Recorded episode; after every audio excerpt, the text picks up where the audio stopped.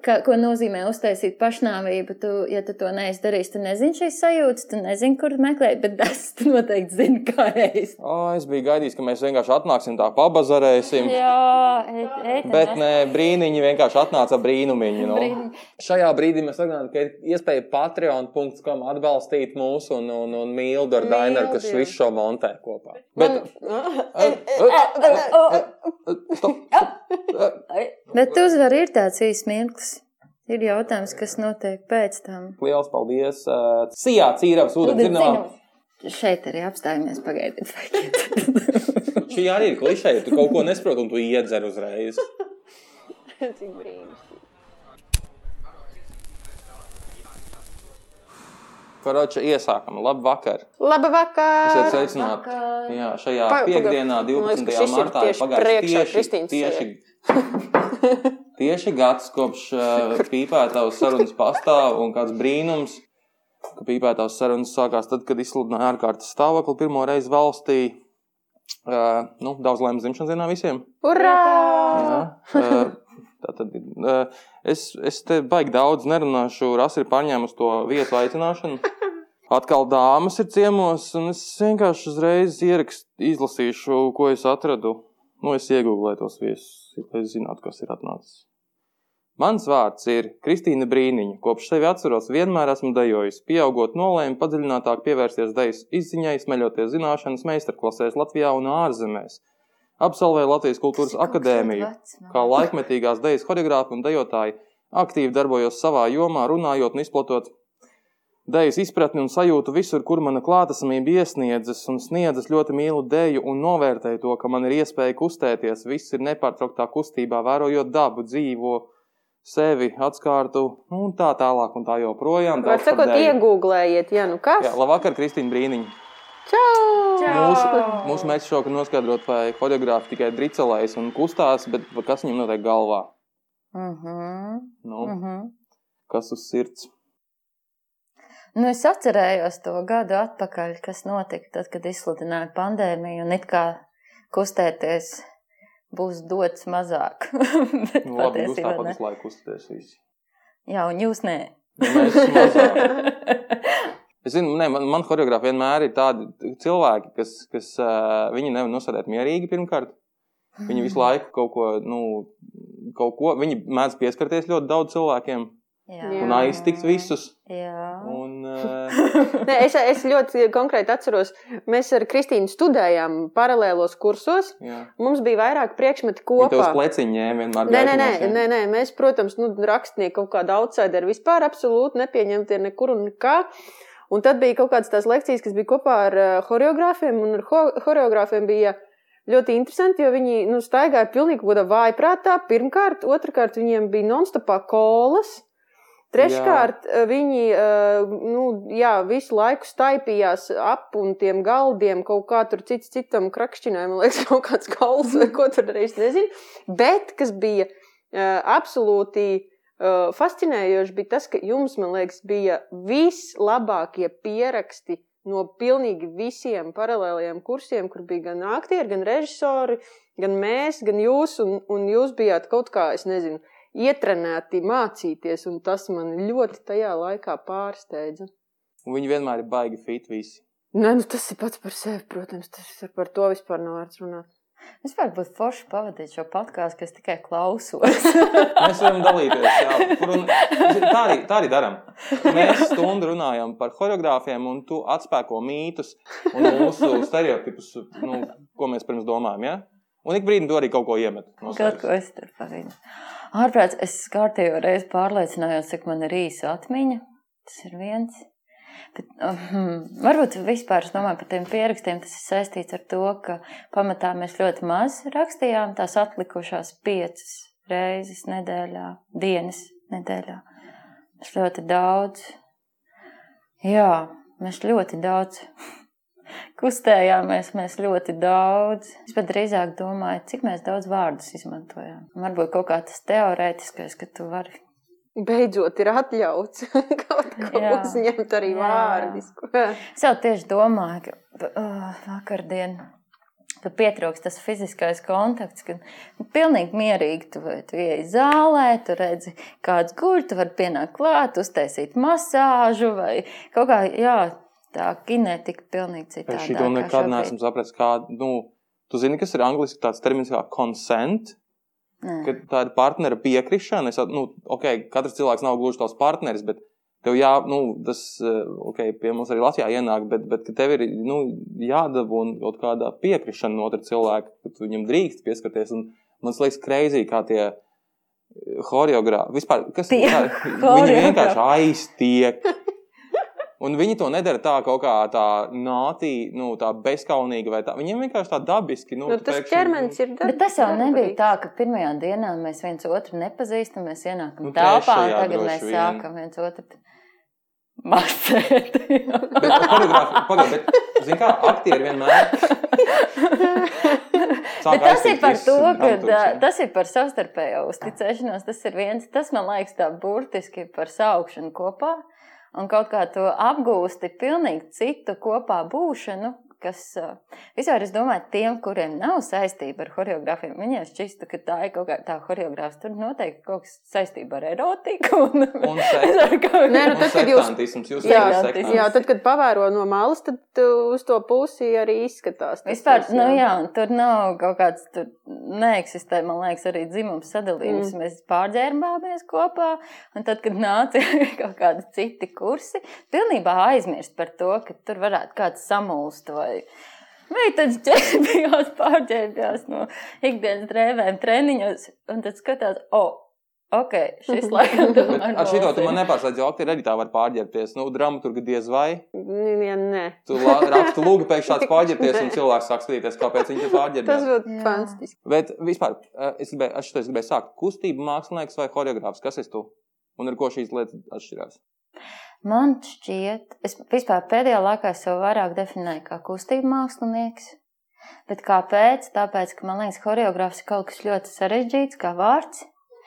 Par to es pārliecinājos pasniedzot mākslas skolā, kur bija patstāvīgais darbs, kurā bija jāapraksta, mm, jāapraksta kā redz kustību. Un tad kāda meitene uzrakstīja, man liekas, ka hidrogrāfija ir nu, tas, tas, tas, tas, tas saprat, jā, šis vārds ir sarežģīts. Un man liekas, ka ja mēs sakām kustību mākslinieks, mēs saprotam, ka tas viss ir saistīts ap un par kustību. Un ne obligāti kustība ir kaut kas dinamisks. Kustība ir arī nekustībā. Un man pēdējā laikā tieši interesē, un te laikam ir tas pret arguments par to, ka uh, Man liekas, ka šos pēdējos divus, trīs gadus es atrodos tādā uh, klusumā, bet arī fiziskā klusumā. Un es arī meklēju vairāk tieši tādu apstāšanos un izzinu, cik daudz kustību ir tajā nekustīgumā. No nu, apstāšanos mēs esam dabūjuši pēdējā gada laikā. Tur, tur, tur, tur tev paveicies. Man ir ideāli apstākļi vispār. Es tagad varu izzināt dažādas formas un kontekstus. tam. Un tāpēc, jā, man liekas, ka, ja man būtu vēlreiz jāatbild uz šo jautājumu, ko tu man uzdod, tad es laikam diezgan droši teiktu, ka es esmu kustība mākslinieks. Man vispār patīk, man patīk, kā tas skan. Man liekas, tas ir konkrēti. Nu, forši ir tas, ka. Uh, Horeogrāfs ko... mazliet pēc hororgrāfa izklausās, un arī tāda reizē mēdz būt. jā. Jā, jā, jā. Un man, liek, man liekas, ka ir ļoti forši, ka tomēr ir iekļauta tā mākslas klātbūtne tajā jau pieteikumā. Jā. Jo choreogrāfs, kāpēc, man liekas, tas ir kaut kas tāds daudz tehniskāks. Kā tu nonāci līdz tai uh, kustības apturētībai, līdz tam uh, miera stāvoklim? Nu, es nonācu, man liekas, tajā brīdī, kad es sāku domāt par, uh, nu, vispār jebkādu veidu draudiem, arī visu Sīrijas situāciju un iztēlojoties, ka es no rīta vai man pamodinātu kaut kāds sprādziens, un man nebūtu pusi no mājas, un varbūt arī mans vīrs blakus vairs nebūtu pie dzīvības. Un tad es domāju, kā es uz to reaģētu, uz visām tām situācijām, kas man, manī rada bailes. Man liekas, tā, tā pasargātības sajūta būtu iemigt un nepamosties. Un arī vispār bailes no nāves, un domājot par nāvi un par visiem procesiem, ko tā sevī iekļauj Un arī domājot par buto filozofiju, cik ļoti šķietami maskustīga forma, bet cik daudz dažādu procesu iekšēji. Drusciņ tā. Buto ir tie lēnie japāņi, kas lēni, lēni kaut kur dodas. lēnie japāņi, tieši tie lēnie japāņi, kas lēni dodas. Nu, jā, nu, es tik smalki un labi ne, nepratīšu to izstāstīt, bet tas, ko es esmu paņēmis priekš sevis, ka buto tā ietver gan kustības, ko izpild un procesus, kas notiek cilvēkā, gan arī dabā un to apvieno. Un tā tāda, ka nu, tas, kā es to uztveru, kā, jā, kā, kā dabas procesa iemiesošana, bet tur ir ļoti daudz arī tēma ap un par nāvi un nomiršanas brīdi. Mhm. Un uh, priekš sevis es, uh, es uh, šos pēdējos trīs gadus strādāju ar kustību kvalitāti, kurā es izjūtu ciešu saikni ar dabu, bet tieši ne tādā uh, poētiskā vai uh, nu, tādā pacilātā dabas. Uh, tā, tādā, nu, jā, ne, ne par līksmību, bet tieši par tādu uh, piederību, ko es izjūtu arī brīdī, kad es pazaudēju pirmo bērniņu. Un tas bija kaut kas ļoti tāds, pilnīgi uh, lika man sevi izjust absolūti citādāk un kaut kā tieši jēgpilni. Jo es sajūtu sevi kā daļa no dabas, jo arī dabā ir ļoti daudz aizmetņi, nu, kā piemērs ābeli, ko man liekas, ko, kad mēs arī ar Asu ar tevi runājam par to, kā, kā šo, šo procesu sevī uztvēru un to, cik daudz ābelē ir ziedu vai cik maza augļu. Un arī tieši tie reāli sataustāmie notikumi, kas tev liek aptvert to, ka tu esi daļa no tā visa. Un, un kāpēc mazkustība? Tāpēc, ka šos trīs gadus es visvairāk kaut kā izjūtu to, ka es dzīvoju mežā, un tas, kas ir, kas ir tas, ko es redzu aiz loga, šī meža ainava, kas šķiet, šķietami tu redzi izmaiņas līdz ar gada laikiem, tu maz redzi tās izmaiņas, nu, vispār koki šķiet vēl joprojām ir tādi paši augstumā, viņi vēl joprojām tur ir, nekas jauns nav parādījies. Un tad, kad tu sāc iedziļināties, satiec ornitologu, jūs dodaties uz mežu, viņš pēkšņi sāk sazināties ar putniem, sarunāties. Un tad mēs runājam, un viņš stāsta par dažādiem procesiem, par dažādām sugām, kas mainās, izmirst un tā tālāk. Saprotu, ā, cik daudz kas tur notiek. Un tad, jā, es izzinu kustību kvalitāti, kurā es ļaujos tādiem super lēniem procesiem ķermenī, un kuras dod sev dažādas uzdevumus, un vizuāli tas izskatās kā nu, cilvēks guļ sunās. Vai, ok, bet iekšēji tik daudz kas notiek, un tajā ir tik ārkārtīgi patiesībā ārpus kontrolas sajūta, kas liek pieredzēt to, ka tieši tajā brīdī, kad tu nekontrolē sevi neko un ļaujies tam nekustīgumam, kurā tik daudz kas notiek, tad ir vispēcīgākā piederība dabai. Man ir, man ir vesela čupa ar jautājumiem. Man arī, bet es, Jā. esmu, es šeit esmu klasiski vienmēr skeptiķis. Šajā visā rasē ir tas pozitīvais tēls, un es esmu tas, kurš runā pretī. Uh, kā tev liekas, pēc visu tā, ko tu teici, vai Man ir vairāk, jā, vairāk jautājumu. Es nolgojos pēc akadēmijas laika. Es tagad visu laiku domāju par to ainu, kur mēs esam tajā zālē, viens otru apskājam, apčāmdam, nu, dējojam kopā. Sveicienu kursbiedriem, visiem kur, kur, kursbiedriem Olgai un vispār re, reāli pietrūks. Lūdzu. uh, tu pabeidzi akadēmiju četrus gadus. Desmit gadus atpakaļ, četrus gadus mācījāmies. Man Jā. liekas, ka tie ir desmit un, gadi. Uh, visi dejotāji parasti tas ir tas, ar ko atšķirās. Man liekas, uh, dejotāji no aktieriem, jūs nākat ar priekšzināšanām uz, uh, uz iestāju eksāmeniem un pa, parasti uzņem tos, kas jau var dejot, vai ne? Um, ir tādi, kuri ir bez priekšzināšanām, bet tieši tas, kā viņi domā un kā viņi savu nezināšanu mēģina uh, piepildīt tajā mm. esošajā brīdī, bieži vien arī ļoti daudz pasaka par potenciālu. Bet pārsvarā tie ir cilvēki ar priekšzināšanām, vai ne? Viņš negrib teikt, ka atnāk tāds, kurš nekad nav, kurš izdomājis 18 gados, 1. jūnijā pabeidzis vidusskolu. Es tagad varētu padējot un aiziet iestājās Nu, Kur- kaut Pirmkārt, viņi neesam Nu, neuzņēmušies. Es, piemēram, zinu, ka šobrīd choreogrāfos beigs eh, choreogrāfs viens čels, kurš pirms tam pabeidza Stradiņu universitāti un kurš bija dejojis tikai tautiskās dejas. Ah, tautiskās daļas. Nu, jā, tu kā nevari izslēgt, priekšzinājums. vispār Jā. nav nekāds. Nu, tu kā, nu, viņš zinātu atšķirību, nu, jā, starp horeogrāfu un... Nu, jā. viņš zinātu, kas ir vārds horeogrāfs. Labi, jā. tas, tas bija tā. Tad jūs četrus gadus mācāt, bet jums māca, man liekas, eh, nu, labi, Žitluhina tur māca kaut kādu savu lietu droši vien, bet jums taču māca tur kaut kādu džēzu, tur klasiku. Jūs uh, trenējat tehniku ļoti daudz, vai ne? Jā. Un tajā, un tagad tu runā eh, ar mani par jau par daudz kaut kādām dziļākām tēmām, par, par tiešām laikmetu, tā ir laikmetīga dēļ, vai ne?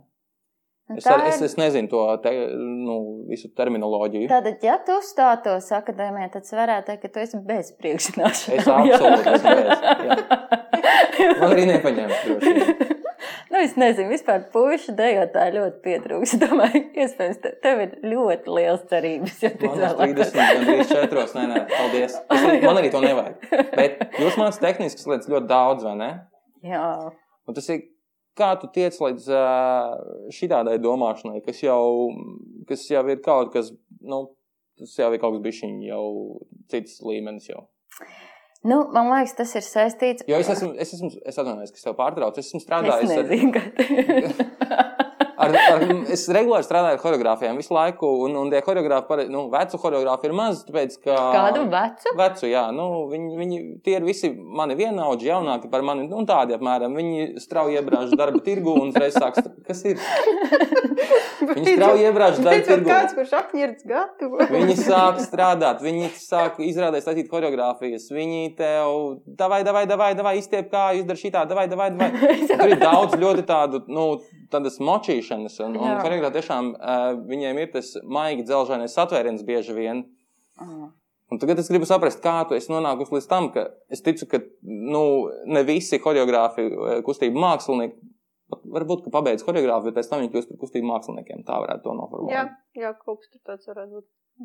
Kā, kā tu, kā tu, nu, lielākā daļa, man liekas, es nezinu, tavus kursabiedrus, tāpēc, ka jūs visi vienkārši esat mūžīgi jauni un, un, un trenēti ķermeņi. Tur nevar pateikt, vai tev ir 30 vai, vai 20. ā, Nu, es esmu dabūjis tos choreogrāfus, kas, kas, kas močī vienkārši. Un tad esi tu, kas atnāk pie Valtera Sīļa, liepā Latvijas galvaspilsētā. Viņš, nu, tu, tu, tu tā mierīgi, tā, nu, un tagad ā, vienkārši padomā par to. Un, un, un jā, jā, jā, tev atnāk, jā, tev viss ir. Un Tā ir kaut kāda jau ēteriskā un sfēriskā domāšana kaut kāda. Un, bet tu taču arī pabeidz kultūras visi ir akadēmiju. komplimenti. Jā, jā, es to neuzturu kā slinkumu vai kaut kādu tur.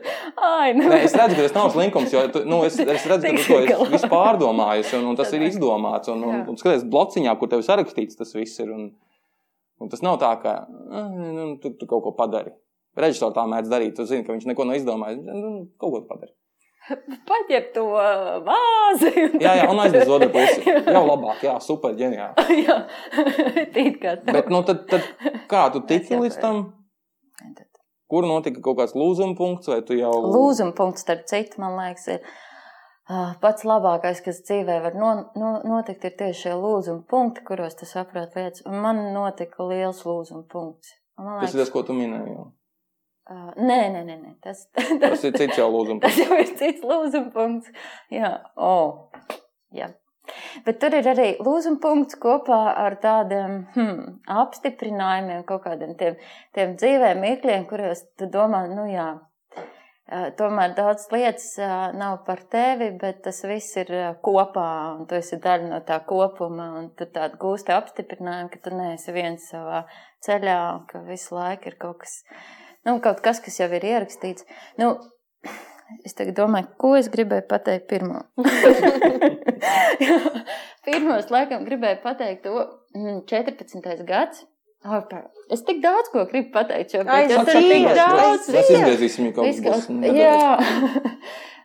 Bet tu ne, nu, okay. Es nepārtraukšu, labi. Mm. Nu, Pirmkārt, es dejoju vienmēr, kopš es sevi atceros. Nu, vienmēr. Tad tas laikam liecina par to, ka tā ir tāda eksistences forma neatņemama. Par to es pārliecinājos tad, kad 2014. gadā un vispār es nonācu Dienvidamerikā ar savu vīru, kas toreiz nebija mans vīrs. Mēs uh, aizdevāmies uz uh, Kusko, kur bija tāds šāmans vārdā vaira, kas man ļoti patika. mums, bija tāda, mums bija tāda ceremonija. Ajavaskas? Nē, ne tik okay. smagi, tāds vieglāk un tādā, jā. Un, un tad nu, man kaut kāds bija tāds dziļš emocionāls pārdzīvojums, un es nezinu, ar ko tas bija saistīts, vai ar mēnešu reizes vai kas, bet kārtējo reizi vienkārši, un tu saproti, tu netiec ar sevi galā. Un es saku tam vairam, es tādu tā procesā, saku, es nezinu, kā lai tiek galā ar savām emocijām. Pēters jau tur nabaks ir arī dabūjis pēc filmas klapas, jo es netieku galā, un viņš ir blakus, un kaut kā kaut kur tas viss ir jāvirs. Un viņš saka, nu, man liekas, ka tev vajadzētu dejot. nu, es jūtu, ka tev Jūs vajadzētu. pabeigusi choreogrāfiju tajā brīdī. Uh, es esmu 14. pabeigusi. Jā. jā, tas tev palīdzētu. Ta, man liekas, tas ir tas, kas tev varētu palīdzēt vienkārši tikt galā ar visādiem procesiem, daudz ko saprast. Oh, oh, jā, es domāju, oh, nu jā, tāda tas ir mans eksistences veids un kaut kā intuitīvi vai nezinu, kādā veidā es to esmu izvēlējusies, ja tas ir tas, kā es tieku galā ar sevi. Mm -hmm. Pašterapijas veids. Kā? Pašterapija kaut kādā ziņā. Jā, es domāju, viss arī kaut kāds tas gremošanas process attiecībā uz to, kā, ko es redzu, ko es par to domāju, un kaut kā tāda neizskaidrojama vajadzība ar to arī dalīties, nu, par to pastāstīt. Un, man liekas, par to, ka tas tā ir, es sapratu atkal mazliet braucam atpakaļ uz 2009. gads vai desmitais, es neatceros. Es aizbraucu uz Izraēlu. Es biju ļoti, ļoti introverta, nu, kautrīga. Un arī nu, man kursa biedra apstiprinās to, ka tāds uh, darba holiķis, kas pamatā ir ar sevi, jau kaut kā nejūtas droši, nezinu, vai nu Nu jā, kaut kā jūtas visu laiku nērti ar pārējiem. Pat grūti pateikt, kas ir tam par iemeslu. Un es aizbraucu uz Izraēlu. Man ir naudiņa no KKF, kas man nodrošina ceļu izdevumus, un es braucu tur uz dēļu skolu. Es nezinu īsti, kur es dzīvošu, un mhm. es zinu, ka man nav naudas, no kā es dzīvošu. Arī to es nezinu. Un tu saproti, šis mēnesis ir atkarīgs no tā, cik daudz spējuši sarunāties ar cilvēkiem, lai noskaidrotu, kur kas atrodas un kāds varētu būt darba iespējas un tā tālāk. Un, protams, tajā brīdī, kad ir šis lūzuma punkts, kad tu īsti nezini, ko tur iesākt, tu esi priecīgi to ejot, tu pirmās dienas paliec pa nakti plūdmalē, un tur tu iepazīsties ar 60, ne, viņam bija vairāk kā 60 gadu glābējs, kurš no rīta modina tevi un, un prasa, kas es esmu, kas ir noticis. Un, protams, ka viņam ir bijusi mīlestība, kas dzīvoja Lietuvā, un tur bija kaut kāds konekts. Protams, viņš tev ar supu vēd, lai parādītu tur uh, jūru un izstāstītu savu bērnības uh, atmiņas un tā tālāk. Un tad viņš saka, klausies, bet man ir draugs, kuram ļoti vajadzētu apkopēju. Protams, tu palīdzi tīri dzīvokļus vairākiem cilvēkiem, un tu vakarā vari iztīrīt dzīvokļus, un tad no rīta mēs dēļ klasē. Un, protams, ka tu, brau, tu atrod arī vietu, kur tu dzīvosi, un tad, kad tu brauc no dēļ klasēm uz to vietu, tu autobusā iepazīsties ar brīnišķīgu šoferu, kas ir īrāņu šofers, kurš stāsta par savu māmu, kur viņš sen nav saticis, un viņš izstāsta recepti, kā viņa garšoja garšīgāko saldo. Un katru vakaru mēs runājamies. Un es domāju, Nu, kā tas var būt, kad man tā nav bijis Latvijā? Tad... Kāpēc šīs sarunas un kaut kāds tas dzīves process, kur mēs viens otru vedam uz priekšu, šīs dažādas pieredzes? Tāpēc, ka es neuzdodu šos jautājumus, jo nav vajadzība. Jo es zinu, ka es man... mēģināju gulēt liepais pludmalē naktīs. oh. Oh. This is the answer! Oh, nevajag dzīvot mežā, vajag dzīvot pludmalē vajag dzīvot pludmalē. Un es tur, starp citu, es izrādījos no rīta pamodos, un es gulēju pludmales čībiņām, kurš man vēl joprojām ir superīgs pludmales čībiņš. Nu, tas tā, tāds maziņš sīkums, ja, kur Liekas, tie sīkumi ir. Ka pie mums ir kārtējo reizi cilvēks, kuram ir vienkārši tik daudz bagāžas aiz muguras, ka atkal jau pietiek vairākām dzīvēm, vismaz tā izklausās. Bet man liekas, Nu, kad tu rekur stāsti arī par, par to, kur tu biji, esi bijis un ar kādiem cilvēkiem tev ir nācies sarunāties kaut vai vienu ceļojumu ietvaros, Bet nav arī tā, ka, nu, pastāsti, kā, kādas asinis tevī plūst. Un nav gadījumā tā, ka tad, kad tu tiec viņām uh, tuvāk, tad arī, tad arī sāk runāt jau kaut kādu bišku, nu, citi, citi dziļumi. Es domāju, ka nē, tas nav saistīts ar to. Tas ir saistīts ar to, ka tu, tu nonāc vidē, kas tev pilnīgi liek sevi citādāk pieredzēt, jo Tu neesi ar cilvēkiem, kas tevi pazīst, un tu kaut kā, kad tu esi ar tiem, kas tevi pazīst, tu jau automātiski sāc reaģēt tā, kā tev šķiet, viņi no tevis sagaida, vai kā tev šķiet, kā viņi tev redz. Nu, tur daudz visādi psiholoģiskās barjeras, kas tev liek kaut kā netik ļoti atraisīties kā vietā, kur tu saproti, ka nav, kur, nav ko zaudēt, un tu patiesībā varbūt es pat pati, tā kā man tas viss bija tik liels. Uh, emociju pieplūdums par visu, kas tobrīd notika, man liekas, tas tie, tie apstākļi vienkārši atšķetināja. Jo man neviens cits nebija līdzi kā tikai es un mana soma. Un tas viss bija tāds piedzīvojums, ka mm. es kaut kas sprāgu vadā. Un ar to jautājumu Moldāvu, Uzbeku un Latviešu asins. Mm. Ar to jautājumu es atbraucu uz Latviju. Pirmais, ko es izdarīju, nopirku diktafonu Un es vienkārši izlikos, ka man ir kaut kāds projekts, un es tagad intervēšu cilvēkus. Un es uz ielas intervēju cilvēkus. Tur. Es tur strādāju pie tāda, tāda projekta, vai jūs varētu man pastāstīt. Un man sakrājās tāds veseli čupari stāstiem.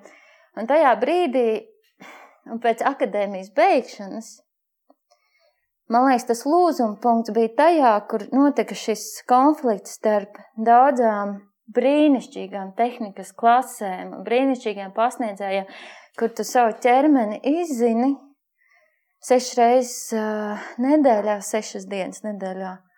Un tad šis, šis konflikts starp to, ka tagad tik daudz domas ir galvā un visādas atziņas, un kā šo kustīgo ķermeni savienot ar šīm domām kopā. Un kā, kā izveidot darbu izrādi. Un, un tad pēc akadēmijas es konstatēju to, ka es nezinu, kā tas ir jādara. Es nezinu, kā lai uh, izveido izrādi, un es nezinu, kāpēc kāpt uz skatuves un uh, ļaut cilvēkiem skatīties, kā es dejoju tajā. Es vispār nekādu motivāciju nevarēju atrast. Un man liekas, ka ilgi gadi, kas bija sadarbība ar uh, Lauru Stašānu, kas ir uh, toreiz viņa strādāja Jaunais teātris institūts. Man liekas, dažādi dramaturgi, arī Andrejs Jarvojas, Ģeržos ielas teātris, jau dažādās sadarbības, kas, kas palīdz aptvert to, kā, kā to savu iekšējo saturu pārnest arī kustībā, un ka drīkst jebkā pārnest. Un, kad, un ka ir tik daudz vispār iespējas, kā to darīt, un viss atkarīgs no tā, kas tev šobrīd tajā brīdī interesē. Un.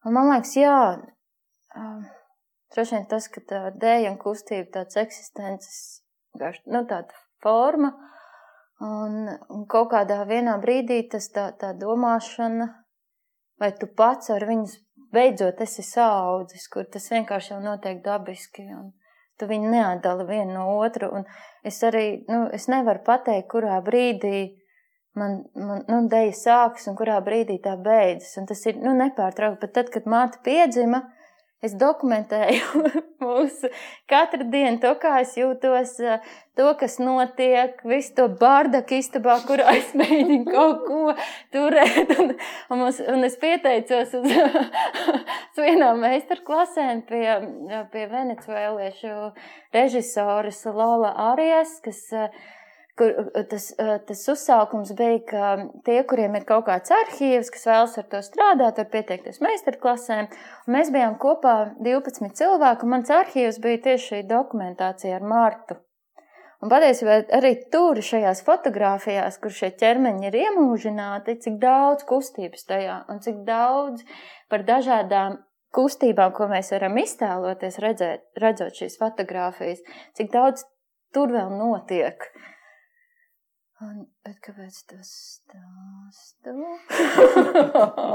man, man ir uh, papildu jautājums. Jā. Skaidrs, ka tev dēļ tas ir uh, viss. Nu, vai 99%? Nu, tas man vispār ir diezgan viss. diezgan viss, jā. jā, es saprotu, ka, nu, jā, bez tā diezgan es nevaru. Man dēļa ir diezgan nekas. jā, nu Un jā, šeit bet mēs satiekamies. Es esmu atnācis uz dēļas izrādi, laikmatīgās dēļas izrādi, jaunās dēļas izrādi. Es esmu atnācis uz dēļas izrādi. Uh, un es esmu nosties vairākas dēļas izrādes savā dzīvē, lai nav tā, ka nevienu, bet vismaz piecas. Jā. Uh, varbūt pat sešas vai septiņas. Un es ļoti reti kaut kad esmu kaut ko sapratis. ir ļoti forši, ka tu šādi izstāsti. Tad man ir rodas interesi, tad es gribu apstīties, kas tur sanāk beigās, un tā līdzīgi, kad es saprotu, kas notiek.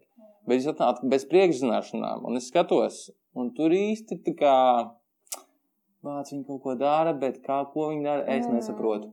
Un ja nav eh, spējas saprast un izsekot līdzi, tad uh, man es atslēdzos. Tā kā, kā tev liekas, eh, skati, cik svarīgs ir skatītājs un cik svarīgi skatītājiem izskaidrot, ka, kas te notiks un vai skatītājiem būtu jāzina pirms tam? Vispār es iedomājos, es tagad klausos, un es iedomājos to, to, to melnbalto kino, kur notiek darbība, tad tur ir tekstīns. Ne? Jā. Cik forši būtu, ja, ja noteikti ir izrāda, un jau tā apstājās, tur izstāsta Es teiktu paldies, es teiktu paldies. Ā, Es piekrītu, tas bija viens no maniem lūzuma punktiem arī akadēmijā. Tāpēc, ka viens ir tas, ko es arī dzirdēju saistībā ar to, kā redzēju mūsu, mūsu koncertu uzvedumus vai nu, eksāmenu darbus, kas mums bija di, nu, reizes semestrī.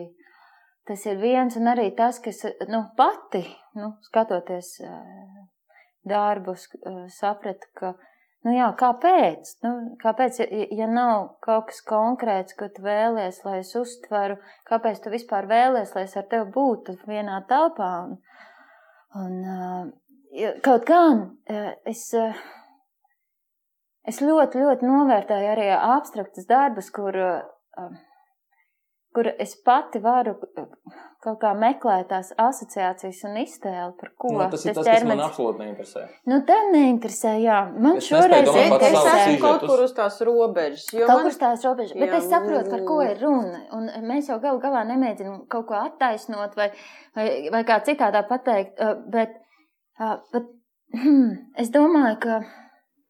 Nu jā, žēl, ka mums nav tik plašs, diemžēl, vēl izvēles starp dēļas izrādēm. Un, bet, ja tā vispār skatās uz, uz pasaules piedāvājumu, tad man liekas, ka tur ir tik, tik katrs skatītājs varētu arī atrast darbus, kas ļoti konkrēti un tieši spēj arī pateikt kādam, kas ir absolūti bez dēļas priekšzināšanām, kas nevar, nu, nu, kas tos kodus neuztver. Ā, Man personīgi tāpēc ļoti patīk izmantot tekstu. Man ļoti patīk veidot choreogrāfiju no teksta. Bet tu ir choreogrāfiju no teksta. pārējie, kas. Jā. Uz jautājumiem. No... Jā, man ir viens jautājums, kas, manuprāt, tieši atbilst uh, tēmai, kur tu tikko Man ir aizsāki. ļoti svarīgi, lai skatītājs tieši saprot to, ko es vēlos pateikt, jo, piedod, Rasa, es tev pa- papildināt to, ka, jo, kā jau es teicu, man dēļas process, jā, ir terapeitisks, bet tas ir arī tāds, nu jā, kur es sagramoju, vispār saprotu. Tas, ko es redzēju, tas man ir svarīgi. Es viņu gribu um, pārnest. Jo man liekas, ka tas ir kaut kas ļoti, ļoti nozīmīgs. Nu, vien, vienalga, šis brīdis, redzu, Dainu, kas šobrīd skatās telefonā, un man liekas, mēs sarunājamies, un šis kontrasta brīdis. Un, es, un, un man rodas ideja, par ko tas ir, un tas man liekas ļoti, ļoti svarīgi, un es to gribu parādīt izrādē. Un es viņu mēģinu rekonstruēt. Tas varbūt viņu nofotografētu, vai iespējams man jau tas stāvētu telefons, un es viņu dokumentētu, un pēc tam skatītos visu šo mizanscēnu. Ja? Un, jo, un viens ir tas process, un otrs man par to gribās pastāstīt. Un es arī meklēju veidus, lai šis dialogs notiek starp skatītāju un mani. Bet tas ir mana personīgā interese. Bet atbildot uz tavu jautājumu, es esmu pilnīgi droši varu pateikt, ka ir izrādes, kas tev ļoti uzrunātu un patiktu, un tu viņus saprastu. Nē, man ir pēc Ibsena, pirms kaut kādiem astoņiem, deviņiem gadiem, es skatījos, bija Zirga pastāv bija izrāde eh, pēc Ibsena. Manuprāt, šī Luhins izrāde. Jā, ārā. Ārā, jā, un, un tas bija diezgan krūti. Nu, paskat. Bet es neteikšu, ka es visu sapratu. Bet tā kā man bija pateikts, šis ir pēc Ibsena. Jā. Ah, ok, labi. Okay. Es tālāk, es zinu, kas ir Ibsens. Es skatos, jā, forši tur viss ņemās. Un tas bija, jā, bet, teiksim, šovasar es, Es jau esmu aizmirsis, kā sauc to izrādi, bet uh, Liepājas mākslas fóruma ietvaros. Man liekas, tas bija Izrāda upe. Izrāda upe, nē, tā ir tāda viņš saprotamāk, jo tur runāja. Tur varēja saprast, jo tur runāja. Un par to Kristīna dabūja kultūras balvu. Jā, Ja kas. pie tā mēs arī vēl pieskarsimies. Bet uh, izrādē tur bija tie santi. Vasarā, kur bija? Santi, tie, Jā, uh, tas arī, labirints. jā, jā, Jā, labris. un labris, ja? Mhm. Jā, pareizi, labris. Un, un, un, un viņam tur tādas foršas, tādas, nu, programmiņas bija uztaisītas, un, un kā, es arī kā parasti nācu bez priekšzināšanām, nebaigi daudz iedziļinājies, bet kā, ok, viņiem ir kaut kāda tumbiņa, viņi staigā vienkārši, un viņi staigā, un viņi staigā, un viņi staigā vienkārši. Un redzu, ka viņiem mutes kustās, un viņi kaut ko viens otram bišķiņi saka, un ik brīdi tu redz, ka viņi sajauc kaut ko, viņi saka, nē, mēģinam vēlreiz. Viņi nostājas un atkal staigā un staigā un staigā. Un tad 40. minūtē, nu, es nezinu, vai 40. var sakot, kaut kādā brīdī uz beigām sakot, ah, labris varētu būt no vārda labirints. Un šajās programmiņās ir izzīmētas visas tās figūras, ko viņi staigā. Viņi no galvas staigā šīs figūras. Bet man tajā brīdī es jau biju nokaitināts, tāpēc es jau pusstundu nesaprotu, ko jūs darat. Šie divi vingrie cilvēki, kas apziņā redz, es zinu, ka viņi kaut ko dara un tā, bet man vienkārši besīk, ka es īsti nesaprotu, ko jūs darat, bet jūs tikai staigājat. Es saprotu, ka super sarežģīti staigājat, un jūs izstaigājat sarežģītas figūras, un, un tas ir krūti, bet, bet man tas ir par maz. Nu, man vajag, lai, nu, Ne, man, liek, man personiskā pieredze, piemēram, arī ar, ar dēļu izrādēm ir ļoti dažāda. Un ir tādas, kas man tiešām uzrunā nu, stāsta līmenī, jo es pēkšņi kaut ko tur ieraugu. Tas nevienmēr sapas ar to, ko man dod, bet es kaut ko tur ieraugu. Bet tad ir, mm, man liekas, tam pašam Santam bija arī, kā viņam saucās, vērpete vai kaut kas tamlīdzīgs, Mhm. kur viņi vienkārši Ar griezās. Nevis staigāja, viņi griezās. Un tur atkal man liekas, ka tur jau ir tas līmenis, kaut kāds tāds viens mirklis, kad tu saproti, ka tā kustība un kaut kāda tās kustības pārvarēšana aizaug jau kaut kādā tādā stāvoklī, un tu skaties uz to visu tā kā uz kaut kādu fenomenu. Tas man arī mm, fascinē. Nevienmēr, bet labi, tu jau dervišķi darīji ar savu griešanos. Nu, jā, bet es tagad redzu, re, kur ir divi, divi jauni cilvēki arī, kur to dara. un Tas, nu, tas var sakot, kaut kas tur ir tāds eh, meta. Mhm. Bet tad ir tādi darbi, kuros man pazūd tā iespēja pieķerties kaut kādai virstēmai, un es skatos uz vingru cilvēku varēšanu. Un mani visvairāk nokaitina tieši šie darbi. Nu, tā kā, Mm.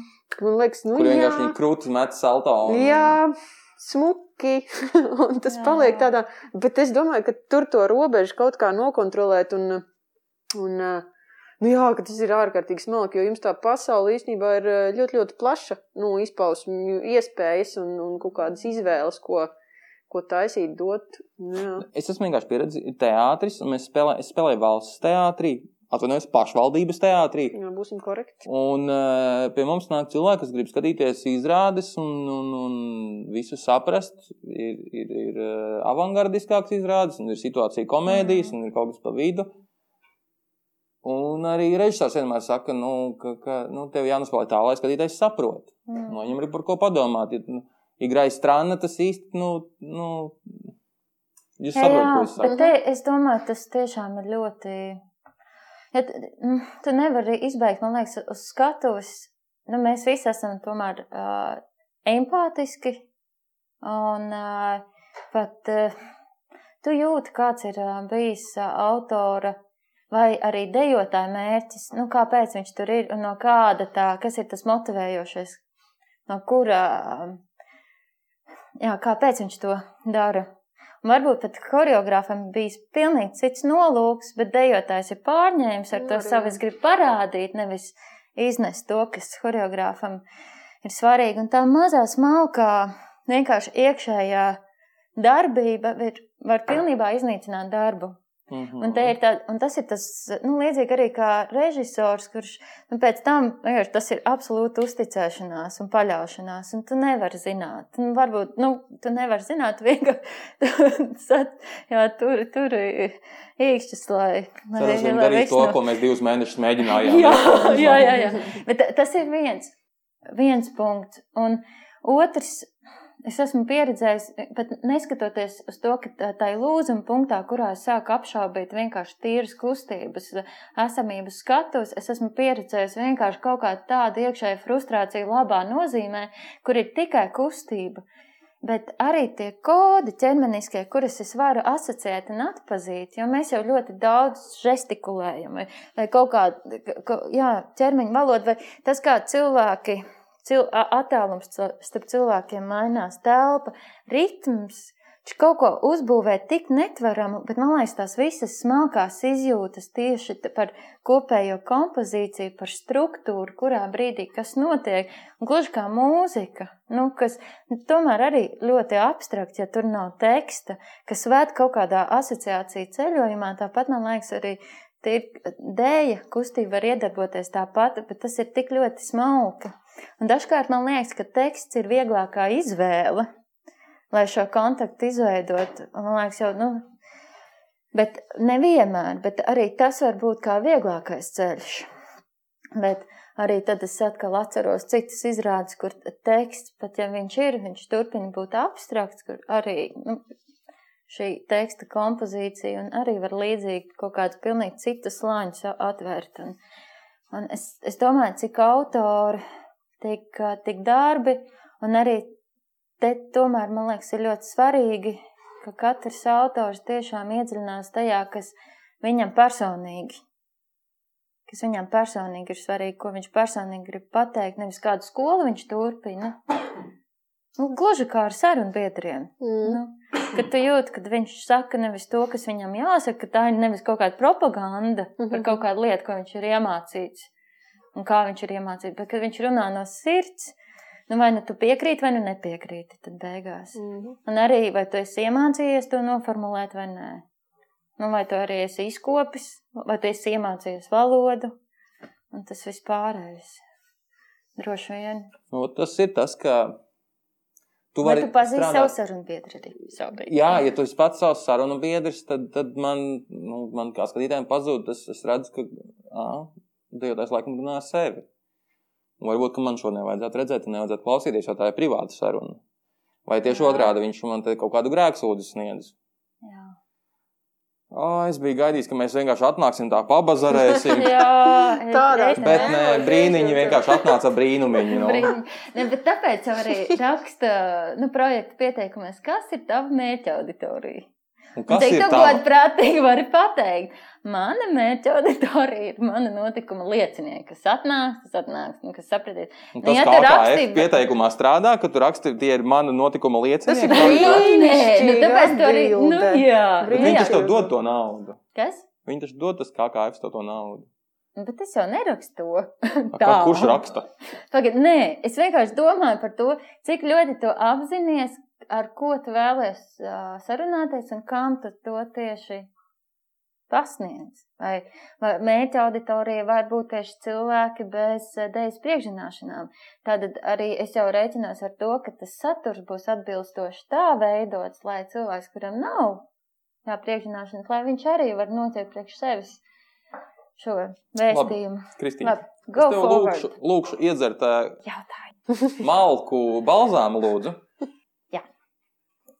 Jā. Jā. Un tad tev ir kaut kas, jā? Nē, nu, man, man ir tiešām, jo es nezinu, es esmu norijus, jo es nezinu, cik daudz jautājumus.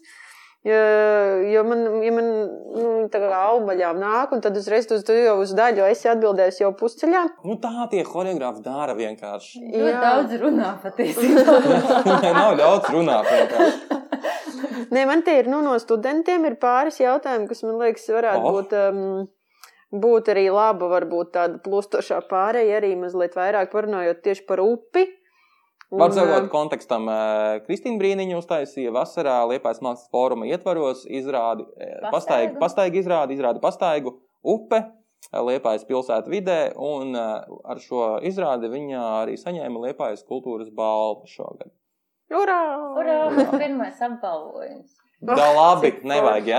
Redz, mēs te vēl Es esam. googlēju, tev ir gada balva kaut kas kaut kur. Tās ir nominācijas, tas nav apbalvojums. Mēs esam, mēs esam te tie nesaņēmušie joprojām. Jā, jā.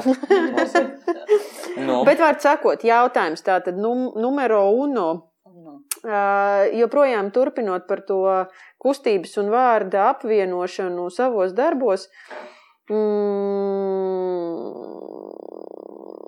bet jau uz visu atbildēju, nu, ārpus, nu, kā. Pamēģini Nu, sakot, kas ir svarīgāk, un vai arī tieši šo abu instrumentu savienojums ir tas, kas, tavuprāt, skatītāju uzrunā visvairāk, un kāpēc? Jo vispār man šķiet, ka šis jautājums ir labs, jo es parasti mūlstu, tad, kad manī kāds choreogrāfs, piemēram, uzrunā sadarbībai, jo es vienmēr zinu, ka viņam nevajag īstenībā neko daudz, viņam vis, visbiežāk vajag vienkārši papļāpāt tik pa brīdim. Un, uh, un paņemt kaut kādus impulsus, un varbūt tad kaut kādus tur teikumus noformulēt vai kaut ko tādu. Mm, Easy money. Easy money, jā. jā, jā. Nu, eh, šis, nu, tā kā Pagaidiet, šis ir- atvainojos, vai upi kaut kur kaut kad varēs redzēt? Jo mēs tagad runāsim par šādu izrādi. Tad... Jā. Es ļoti ceru, ka Mēs visi ceram. uh, Liepājas teātris repertuārā un varēs redzēt. Kurā jā. zālē spēlēsim? Ār, ārzālē. teātris zālē. Lai strādājam, braukāt. Nu, labi. Brīvdabas estrāde. um, bet atbildot uz tavu jautājumu, tā kā šis darbs ir dokumentāls un pamatā uh, materiāls ir veidots satiekoties, uzrunājot liepājas iedzīvotājus, arī uh, atraisot pašus uh, aktierus, ceru, ka es neesmu neko sabojājis. Pašas aktierus, kur arī viņi paši dalās savās personīgās atmiņās. Tad nu, es nevarētu, mēs nevarētu izstāstīt par tāli, kuram eh, nezvana meita jau ilgus gadus, un kurš ir eh, atstājis eh, dobi priekš zemenēm tieši viņai, nu, ar kustību. Tas vienkārši ir neiespējami. Tieši tāpēc, ka mēs gribam, lai šie stāsti ir sadzirdēti. Nevis nojausti vai iztēloti, bet tieši sadzirdēti.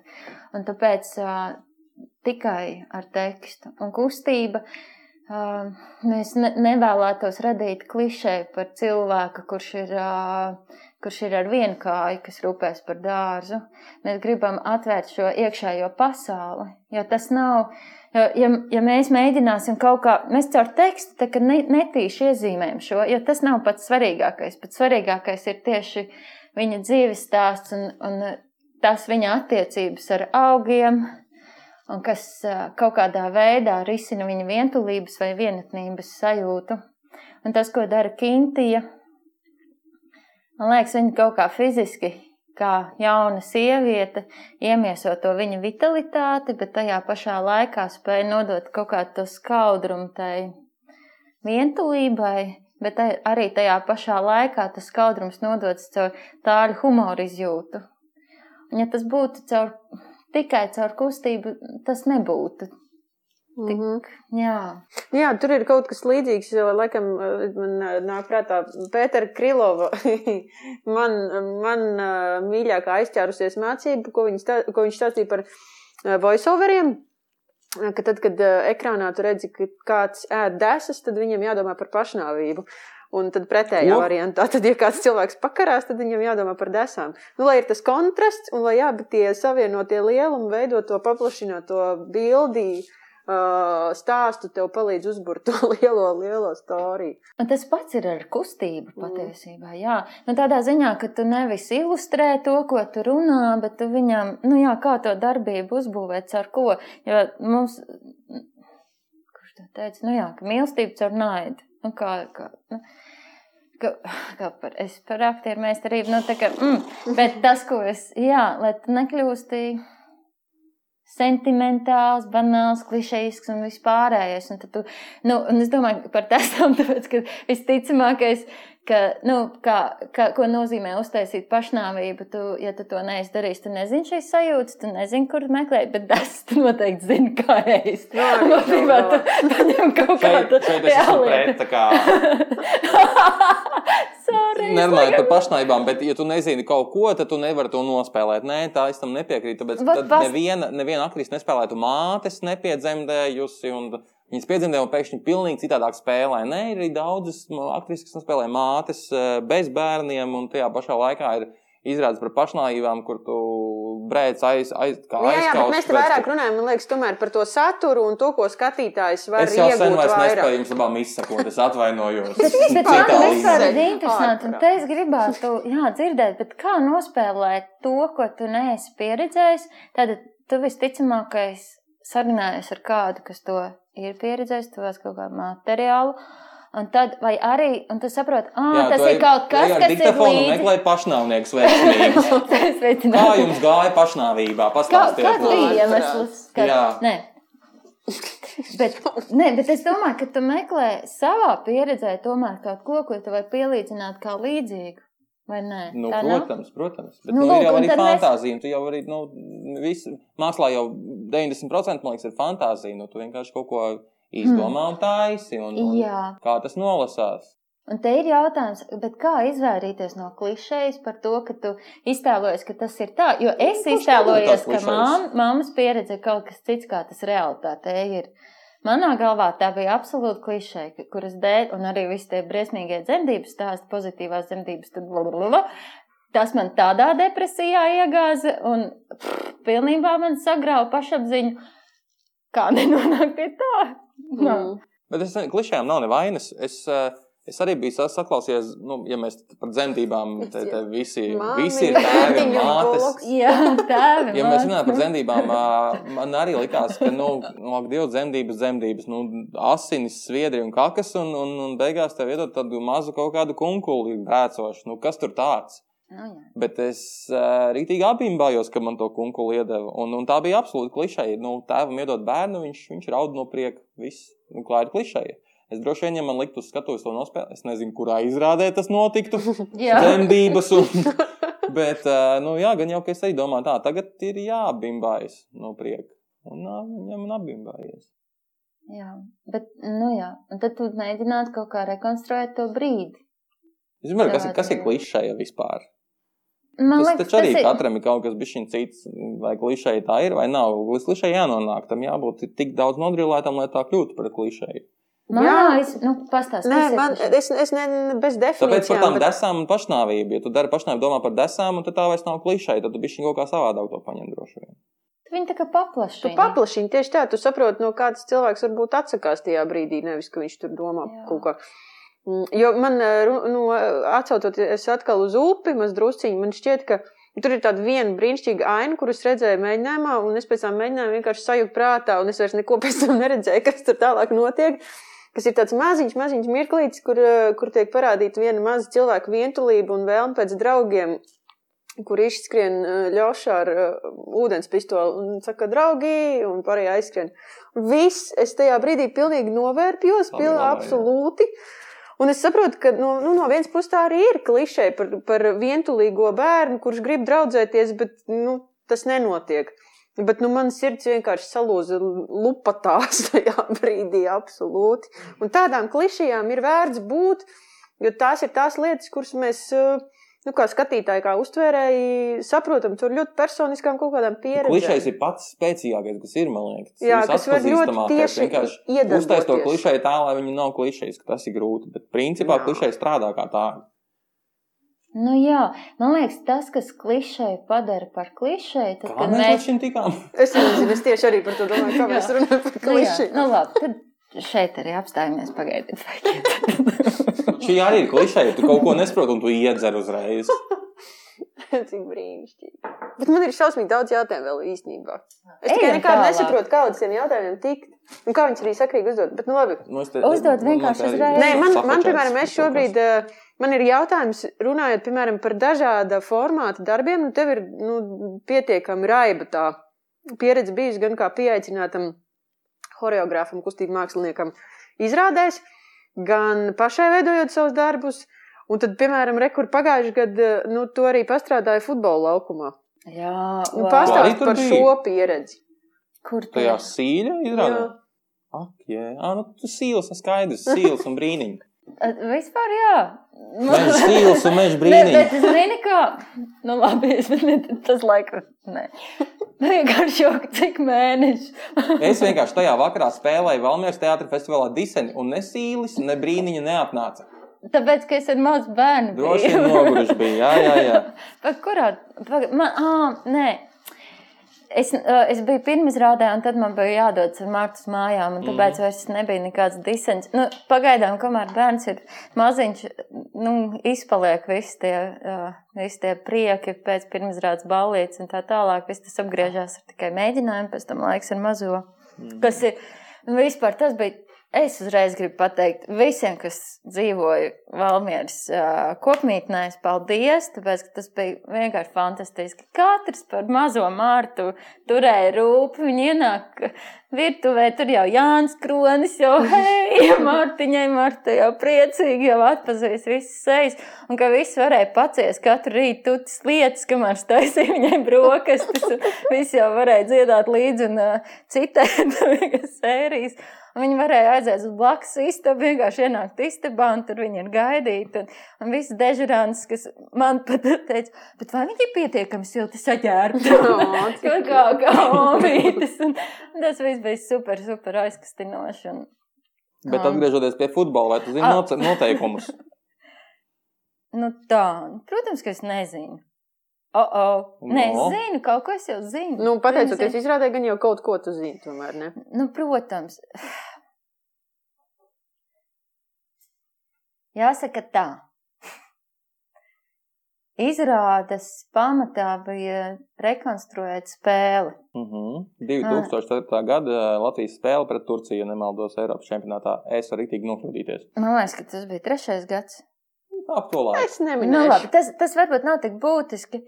Bet uh, arī es sapratu, ka arī noteikumu zināšana. Daina, paskaties, Google. Tagad ir pilnīgi. Jā, jā, pareizi. Ceturtais gads, jā, pret Turciju. Nu, redz, ah, īsāk nu, sakot. Um, es tagad mēģinu saprast, kas būtu, ko būtu, ko es vēlētos pateikt par to visu. Nu, man no malas liekas vienkārši vāks tev iedot futbola laukumu Cik cilvēki tev bija tavā rīcībā? 22 vajadzētu būt, ne? Nē, pagaidi, cik mēs bijām? 27? Pagaidi, nē, 5? Nē, cik mēs bijām tā? Tā, Arī tu jā. tur biji un neatnāc uz diseni. Pagaidi, bija tikai pēdējā vakarā. Tā, jā, Agatenāj, Artūrs, 5. Tātad pieciem dejotājiem bija jāiejūtas gan Turcijas spēlētājos, gan Latvijas spēlētājos. Aktieriem. Pamatā Latvijas. Un tad vēl ir aktieri trīs. Mm. Dejotāji izspēlē šīs situācijas, kas notika uz laukuma. Tas, ko mēs darījām, mēs strādājām ar uh, dokumentālu video, kas uh, nodokumentēta šī, šī spēle, un mēs burtiski rekonstruējām šīs ainas, visas kustības, ko futbolisti veica. Un tad mēs viņus arī veicām tādu abstrakciju un uh, spēlējāmies arī uh, pārspīlējot, kaut ko pastiprinot. Un jau sākumā ir tāda tīra struktūra, un pēc tam jau mēs sākām viņu nojaukt un mainīt, un viņa kļuva aizvien abstraktāka. Bet pamatā nezaudējot tieši šīs futbolistu kustības, bet nu, jau, jau viens spēlētājs jau spēlē trīs dejotāju unisonā, un, un tad, protams, kaut kāds ļoti skaists. Uh, moments, kas tiek palēnināts un pārspīlēts, kur agatas spēr bumbu un, protams, špagatā un, un visu to, to vēl pastiprinot šo dēļu situāciju, kas arī ir, ko mēs varam sasaistīt ar dēļu, kas notiek uz laukuma. Un, tāpēc atbildot uz tavu jautājumu par noteikumiem un vispār par futbolu kā tādu, uh, Jā, es pirms tam domāju, ok, es iešu uz futbola treniņiem, jo man liekas ļoti svarīgi to visu saprast. Mēs arī gājām, bet pamatā tomēr viss tas bija tieši kā šo kustību nokopēt. Nevis domāt par to, ka es zinu, kā jāspēlē un kas tur jādara, bet drīzāk kas ir tas, ko es redzu un kā paņemt tieši šo ķermeni, ķermeņa kustību. Un tāpēc tas bija tā otršķirīgi. Mm -hmm. Jā.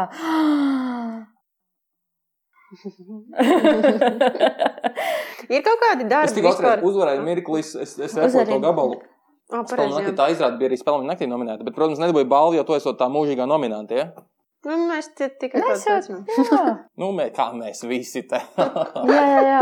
Ne, man jāsaka, ka šis, man liekas, bija kaut kas ļoti, ļoti foršs. Es arī pati uz to visu skatījos. Arī es atceros ģenerāla mēģinājums.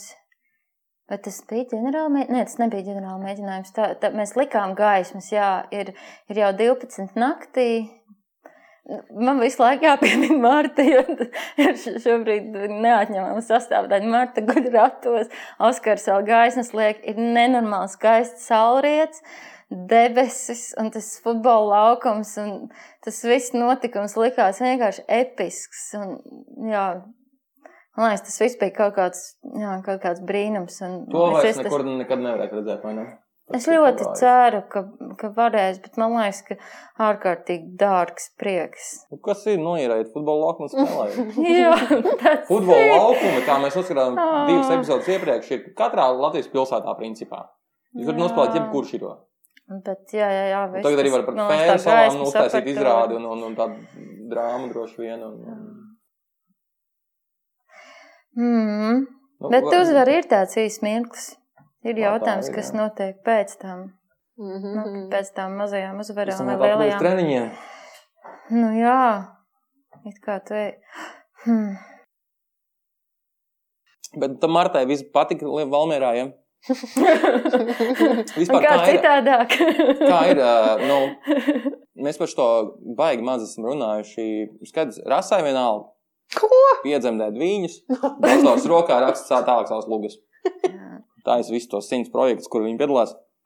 Kā tev ir? Ak, Man arī ir normāli. Man ir Covid bērniņš. Pa- Ko, Pandēmija. Pauļņiem šodien četri mēneši. Viss. Daudz vēl- nu, šodien nav, bet, bet uh, drīz būs tuliņ. Pagaid, kurā datumā? 15. novembris, uh, tad būs 15. marts. Un, un, un, un, un, un, un, uh, un, un viss forši. Bet aktrises, kas dzemdē, bērnu divu gadu nosmā karjeras. Jo. Choreogrāfs, kas dzemdē. Nu, izskatās, ka tu baigi neiepauzēji. Ne? Ļoti kā- apzināti, tāpēc, ka man bija tik grūti, ka es sapratu, ka tas ir vienīgais ceļš, kā kaut kā sevi emocionāli atgūtu. Un arī tāpēc, ka tieši savu kolēģu un draugu dēļ, draudzeņu dēļ, kuras ā, b- ā, bērniņu dēļ ir apst, nu, pārtrauca turpināt, veidot darbus un strādāt. Un kaut kā Kurš Jā. bija tavs pirmais darbs pēc Martas piedzimšanas? Uh, es sāku strādāt pie atkāpšanās izrādes. Un Martai bija četri mēneši tieši. Un tā bija pirmā rezidents pie manas mājās. un Es uh, Paga- liekas, tad, kad, tad, kad tu taisīji Liepā Latvijas galvaspilsētu, Marta vēl bija vēderā, un pēc tam bija jāatmēģina, un tu nāci jau ar Martu. Vispār pareizi, jā. Jā. jā, jā, jā. Es, mm, mm -hmm, tā, pareizi bija tā. Bet teikt tā, Martai četri mēneši, mums ir pirmā rezidence Mežārmaņa mājās. Un eh, es, es to daru tāpēc, ka mans labs draugs, ā, vācu horeogrāfs, kas ā, piedalījās izrādē kā dramaturgs, Viņš man iedrošināja, Kristīna, taču es, nu, es biju pēc savas pēdējās ultrasonogrāfijas, viņš bija atbraucis ciemos uz Latviju. Viņš saka, Kristīna, man liekas, tev, tev, tev vienkārši jāturpina, jāturpina strādāt pie šī darba un vienkārši apskatīties, kā tas ir kopā ar Martu. Protams, kad sākās rezidents, viņš jau tur nebija. Un, un dienu iepriekš es domāju, kāpēc vispār, kāpēc es kaut ko tādu parakstīju. Tas bija kaut, kaut kāds Tas ir vīrietis, to pateiks. Nu, tev taču jāturpina ak, Dievs, tas ir tikai bērns. Bet man liekas, ka vispār tas viss process kā citu jēgu ieguva. Jo dejotāji, kas atbrauc, protams, mēs visi rūpējāmies par Mārtu, un viss bija izējot no viņas dienas grafika. Un, un ir da- dažas epizodes atkāpšanās, un tas ir, tas ir par šo maskustību. ir kadrs, nu, video dokumentācija, mē- mēģinājums. Agnēs Borģuko viņa atrodas krēslā, un viņa to, to kušana, kušanas procesu pieredzi, viņa tur kus divāna.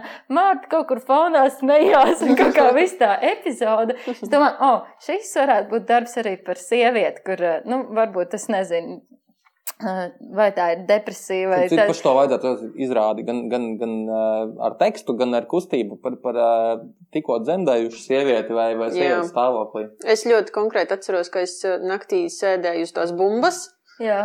un par to domāju. Ar abiem rokās vai abiem vēdrā? rokās. Nu, vismaz viens Jā. tas bija kaut kur viņa tur. Jā, jā, jā. Nē, tas viss kopā, jā.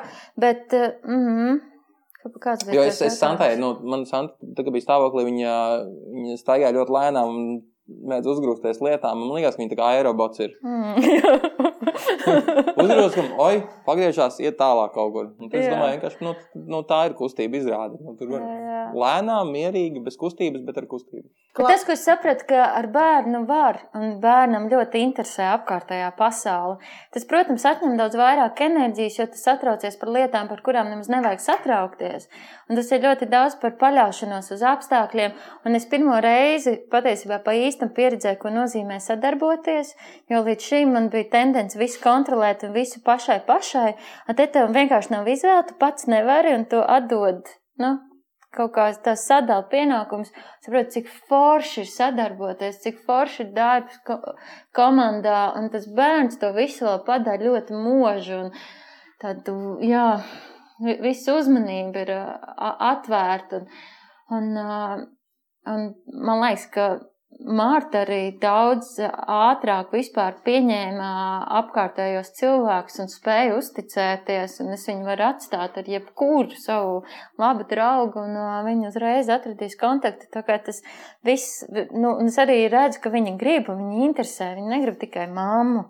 Viņa grib arī pārējos. Tagad es jūtu, viņai kaut kā tā, tu, drīz būs divi, jau divi gadi drīz būs. Iedomājies, nē.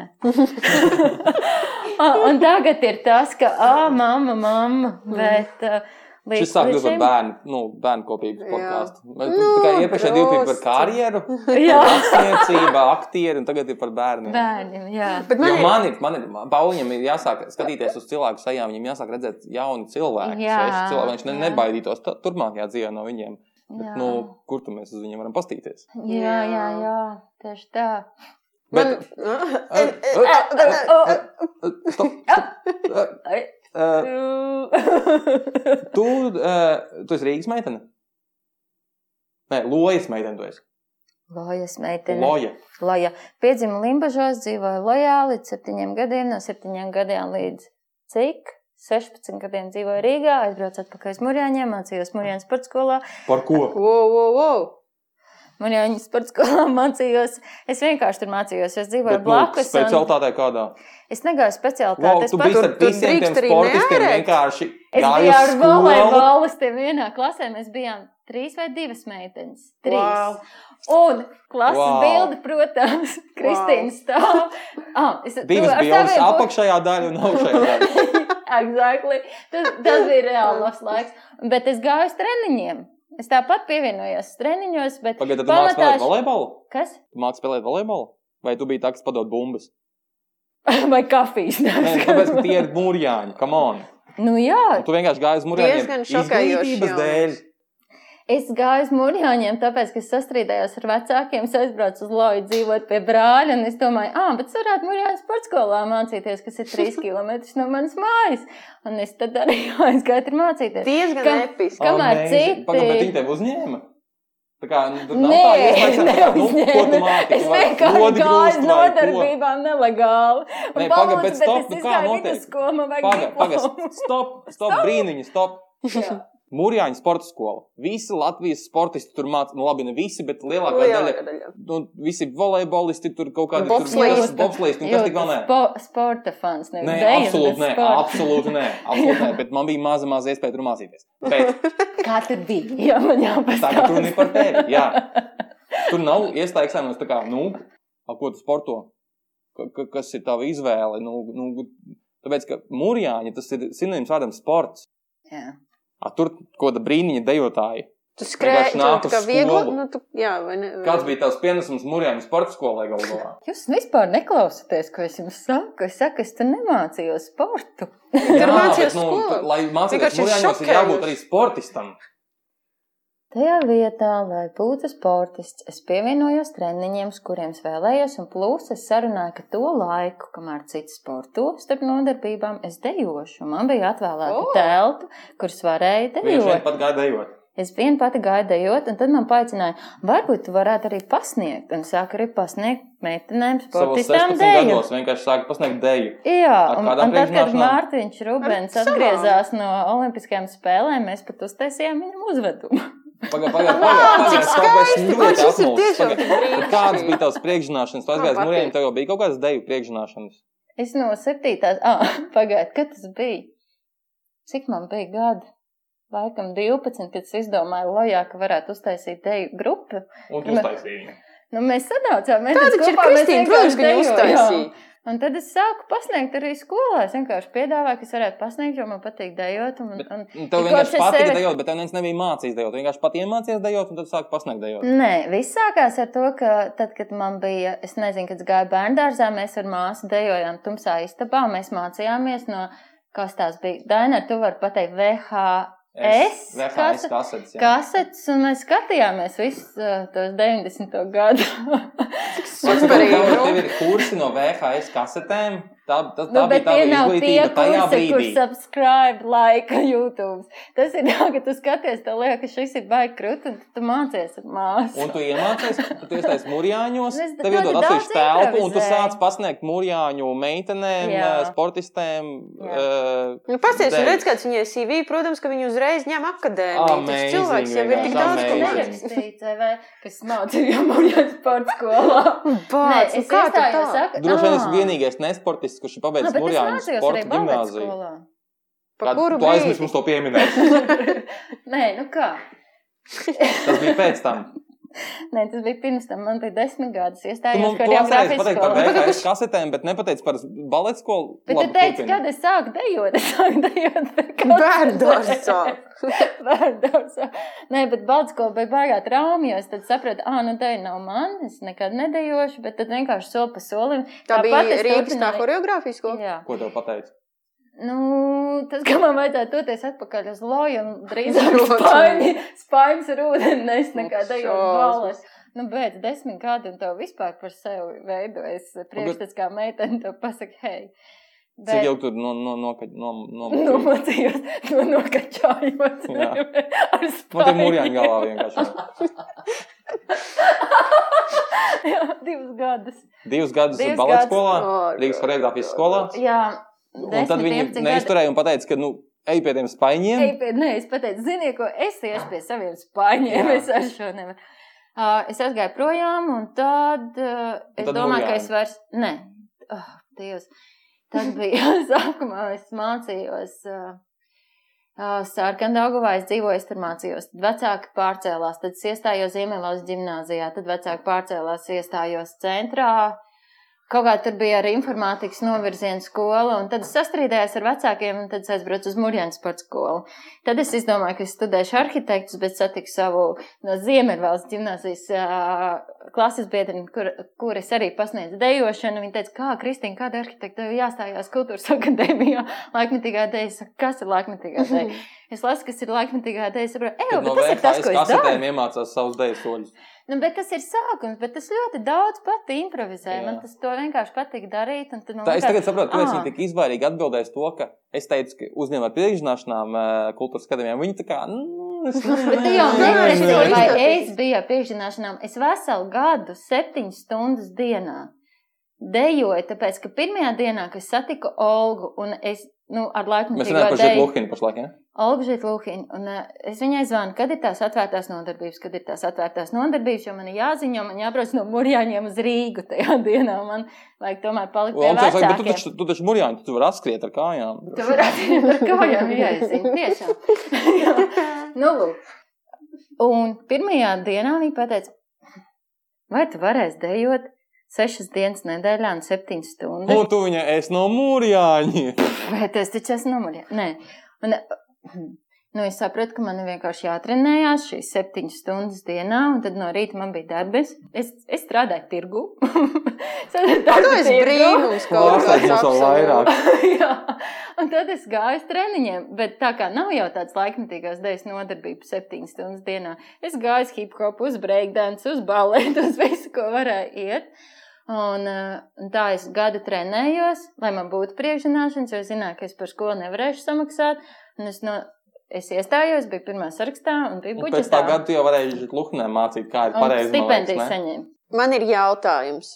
Mm, Maz, es maz esmu drusciņi par šo atkāp, atkāpjoties mazliet no šī, bet, bet, Jā, no tajā šīs atkāpties? Bet kāds ir tagad, piemēram, tavs? Nu, es dzīvoju joprojām arī kaut kādā priekšstatā par to, kāda ir choreogrāfija. Man liekas, Jā. ka jūs pamostaties, tad jums noteikti ir kaut kāda tur Padīva. staipīšanās vai kaut kas. Nu, vai tev ir kaut kāda pašai sava tāda ru, Rituāli. rutīna, mm, kas tev palīdz turēt sevi?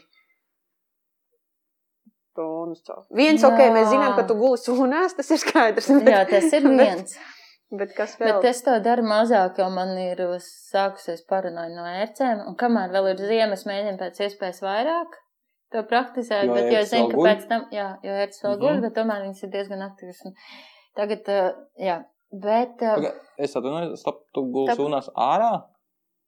Nē, man ir mājās istabā suns izkārtots. Sūnu istaba viņai ir. Bet Tu pagaid, nezini, tu neredzēji Instagramā bildi par sunā istabā. nē. nu, nē, ārā, mežā, ārpusē, protams. nu, pa naktīm? Sūnās? A, nē, nē, nē, nē, nē. Es aizēji guļu ar pagulēt. Mārtu. Es viņu, vēl baroju, tāpēc es saku, viņš neiešu ziemā, Bet nezinu. tik līdz Marta būs pabarot, tu ej gulēt sūnās ziemā. Nē, Mežā. Kas nē, notiek? ko? Tī, ļauj Kristīnai atbildēt, vienkārši es jautāju. Es vienkārši nesaprotu.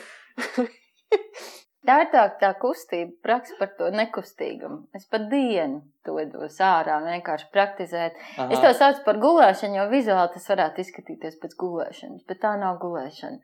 ok. Tas ir dažādi. Mm, nu, jā, tas tāda pa, pašas, pašu rehabilitējoša, pašu sevis apzinoša. Tas arī viens no rituāliem varētu būt, kuras, nu jā, telpa sev, nu, visādā ziņā. Bet, godīgi sakot, šajā laikā es esmu atsacījusies no rituāliem, tāpēc, ka mans galvenais rituāls ir Marta, un tas ir diezgan fizisks rituāls. Bet noteikti vēl foršu rituāli man piedod man mākslas, uh, Liepājas mākslas mūzikas un dizaina skolas studenti, 3. 4. kurs, kur es divas reizes nedēļā viņiem pasniedzu nodarbības, kas man arī, pateicoties visiem apstākļiem, vei- veido papildus rituālu. Bet tā, ka es no rīta izdomāju, ka nu, vienmēr šajā laikā tas šobrīd nav iespējams, tad, nu, jā, tu, esi, tu pakārtojies mazajam. Bet, bet ko es esmu sev, sev nosolījusies, saprotot, ka rituāli nav iespējami, un lai nesāktu kaut kā, nu, lai tas nebojā noskaņojumu, ka vienkārši visu laiku meklēt iespēju, kad es varu. Un, piemēram, arī eh, tad, kad es ar Mārtu spēlējos, vienmēr atrodu pozīciju, kurā es varu arī vienlaicīgi stiepties. Vai es mazgāju trauks, es zinu, ka es varu vienlaicīgi kaut ko citu darīt, vai nu, paralēli ikdienas lietām. Un tad tie rituāli ienāk, iziet un nu, skatīties pēc situācijas. Bet jā, tas nav tāds katru dienu vienā laikā. Izņemot kaut kā, jā, nu, ar Nu, mākslas skolu. Nu, Mazgāt cilvēks. pagatā noteikti ir grūti.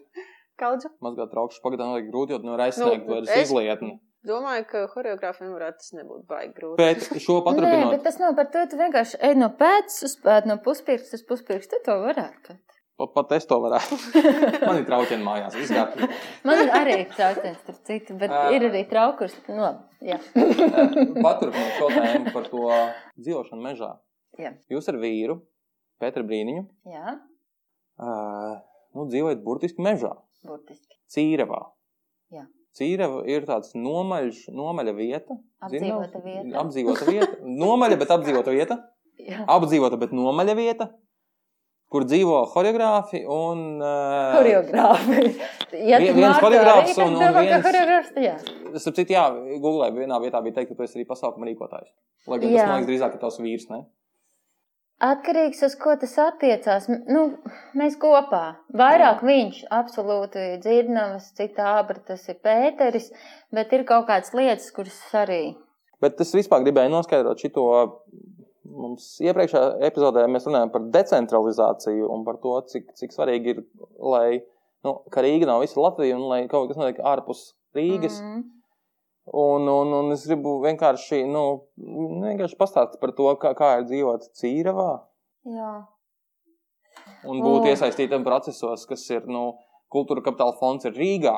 Un, un, un, un kaut kādas, un, un mākslas fórums ir liepājā, bet, mm. nu, Mhm. bet kas ir cīravā un ko nozīmē dzīve cīravā vispār? Jā, Uf. Nu, tur vajadzētu jums Pēteri tagad paintervēt, piezinīt. Nu, to mēs, mēs varam viņu iekļaut. Iekļaut nāk. sarakstā kaut kad. Viņš ir ļoti foršs viesis. Nu, bet- droši vien tāpēc viņu ap, aprecēja. Nu, viņš nebūtu forši, viņu neprecētu. Jā, taisnība. bet, bet par. eh, Hmm. Ziniet, tātad mēs sešus gadus dzīvojam Cīravā, un to posmu varētu kaut kā sadalīt tādu fragmentos. Jo ir viens, protams, tas pirmais posms, kad tu esi super entuziastisks un tāds enerģijas pilns. Un Bet sākumā, kāpēc jā. Pirms sešiem gadiem, kāpēc cīravā? Kāpēc Cīravā? Tāpēc, ka. Uh, labi, es izstāstīšu īso versiju, lai kādreiz uh, satiekot Pēteru, jums ir iespēja parunāt plašāk. Bet Cīrava, tāpēc, ka Pēters diezgan daudz brauca uz kurzem, īpaši uz Liepāju, tad pēc tam ziemu, pa ziemu stāstu nestāstīšu, bet tas ir arī ļoti interesants. Un viņš redzēja sapni ar konkrētu telpu. Viņš pats, starp citu, ir daudz darbojies dažādos jauniešu centros.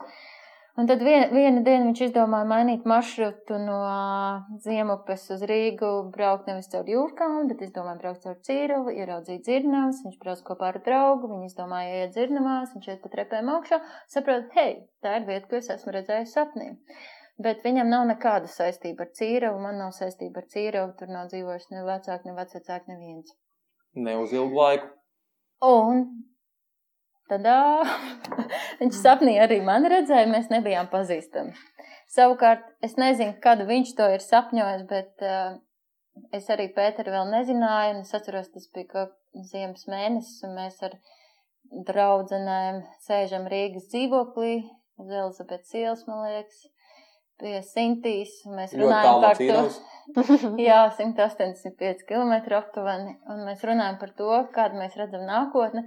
Un un saku, es redzu, ka es varētu dzīvot mežā, kas varētu būt man tāda mūža rezidents kopā ar savu iemīļoto vīrieti. Un, mm, nepagāja ne pusgads, pat mazāk. Es iepazinos ar Pēteri un vēl nezinot vispār par Cīravu. Un kaut kad pēc tam ā, viņš stāsta arī par dzirnavām, un mēs turien aizbraucam, un viņš uzdod jautājumu, vai es redzu tādu iespējamību, kas varētu pārci, nu, pārcelt. Viņš tā arī tā nedroši. Tas Nu, pārcelties uz mēžu, tur Tu, tā. jā, un tā viņš to gradzēja. Nē, sākumā bija gradzens, un pēc tam. Aha.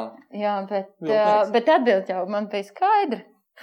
Nu, un, un tad uh, mēs sapratām, jebkurā gadījumā, lai, lai dzirnavās biedrībā kaut ko rīkot, un tur jābūt blakus, un tad mēs arī kaut kā ļoti ātri atradām to meža māju, un momentā arī sapratām, ka tā ir vieta, kur mēs gribam dzīvot, un, un ar draugu atbalstu mēs māju iegādājāmies, un, un te nu, mēs esam. Nu, un ir pagājuši seši gadi, un tu joprojām esi Superīgi. Un es vēl joprojām esmu Cīravā, un es esmu izdzīvojis visādas. Lipačkarip, ne? ā, Kas? Ieberzies, ne? Zini kā? Īpaši tagad, man liekas, es, es pirmo reizi izjūtu šo privilēģiju, ka tu esi mežā un tu vari nu, darīt visu, ko tu vēlies, kā līdz šim, un tev nav krasi jāmaina savu dzīvi. Protams, tad, kad mēs šo izvēli izdarījām, bija ļoti daudz jautājumu. Arī tādi jautājumi, ko jūs darīsiet piekdienas vakaros. Ko jūs darāt? Ko mēs darām? Nu, tā paša, ko otrdienas vakaros. Padejo. nu, nē, ārprāts. Pēters uzliek gaismas un principā ir starp citu, gatavs. mums Gan jau pie Dainers, brauc Es ciemiņi. nezinu, vai tu to pieredzēji. Man liekas, ka pieredzēji to, ka mums ir arī skandas uz balkona. Mēs tiešām varam pagriezt mūziku un iededzināt uģiņu un dejot apkārt. Man ir jāpasaka, droši vien, iespējams, šis būs jāizgriež ārā, bet man jāpasaka liels paldies uh, Cīravas ūdens, ūdens zirnavām vai Cīravas? Ūdens zirnavām. Sijā Cīravas ūdens zirnavām. Uh, paldies valdībai, kas ieviesa uh, interesantus ierobežojumus, bet pateicoties Sijā Cīravas ūdens dzirnavām, es iegādājos spoguli veikalā depo pirms nedēļas un nogriezu pats savu matus. Varbūt mēs šo izgriezīsim. Paldies, varam turpināt. Nu, redz, Tikai juridisks personas var iegādāties lietas. Ā, nopietni! Jā. Jūs kā kolosāli! Tas izklausās pēc. Jā. Komandas. Mikropauzīt, Komandas, lūdzu. jā.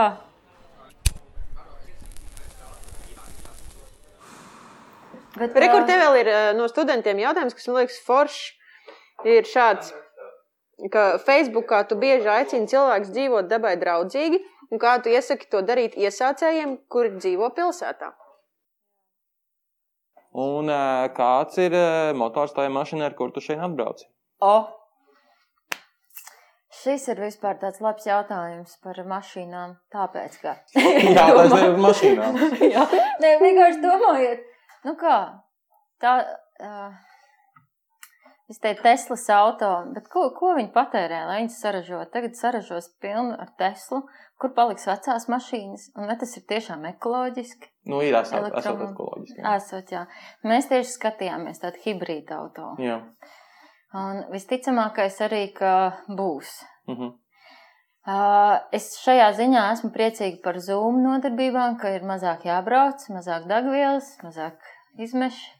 Es ļoti domāju par ekoloģisku dzīvesveidu, bet tas varbūt ir saistīts gan ar Mārtu, gan arī ar to, ka es uh, pēdējā laikā varbūt par daudz lasu visu to, kas notiek ar dabu. Un tas, uh, jo, kā, kā man draugs, vidas zinātnieks un ornitologs teica, Viņš, viņš piedalījās tajā akcijā, kur tu uzskaiti. Nu, dabas skaitīšana notiek. un ka ir ļoti daudz kailcirtas, kur bija vecie meži. Un es saku, kā tu par to visu jūties? Tas, ko, tas, ko tu redzi, viņš teica, nu, diezgan bēdīga bilde kopumā. ka Saka, Latvija zaļa, Latvija zaļa, bet patiesībā nu, tas nav nemaz tik pozitīvi, tas, ko viņš redz.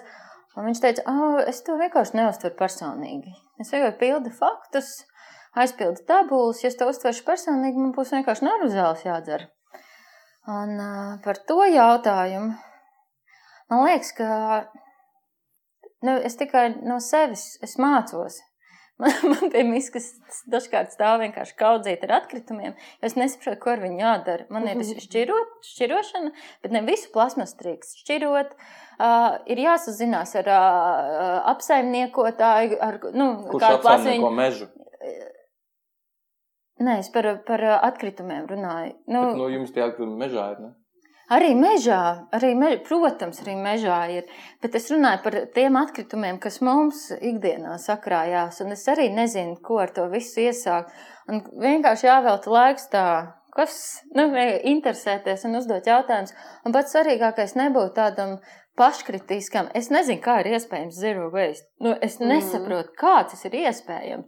Īpaši, ka viss ir iepakots, sirds ir iepakots. Īpaši tagad, Covid laikā, kaut kāds sīks cepumiņš ir iepakots.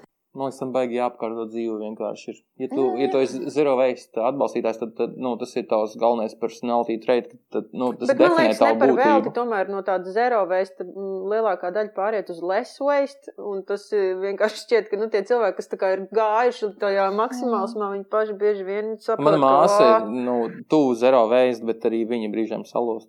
Viņai vīrs aizliedz, piemēram, kompostu taisīt uh, leduskapī. Nu, tā, ne, tagad, kad viņai māja, tad viņa taisa kompostu laikam, bet, Jā. bet tas, nu, tas, tas ir dzīvesveids. jā.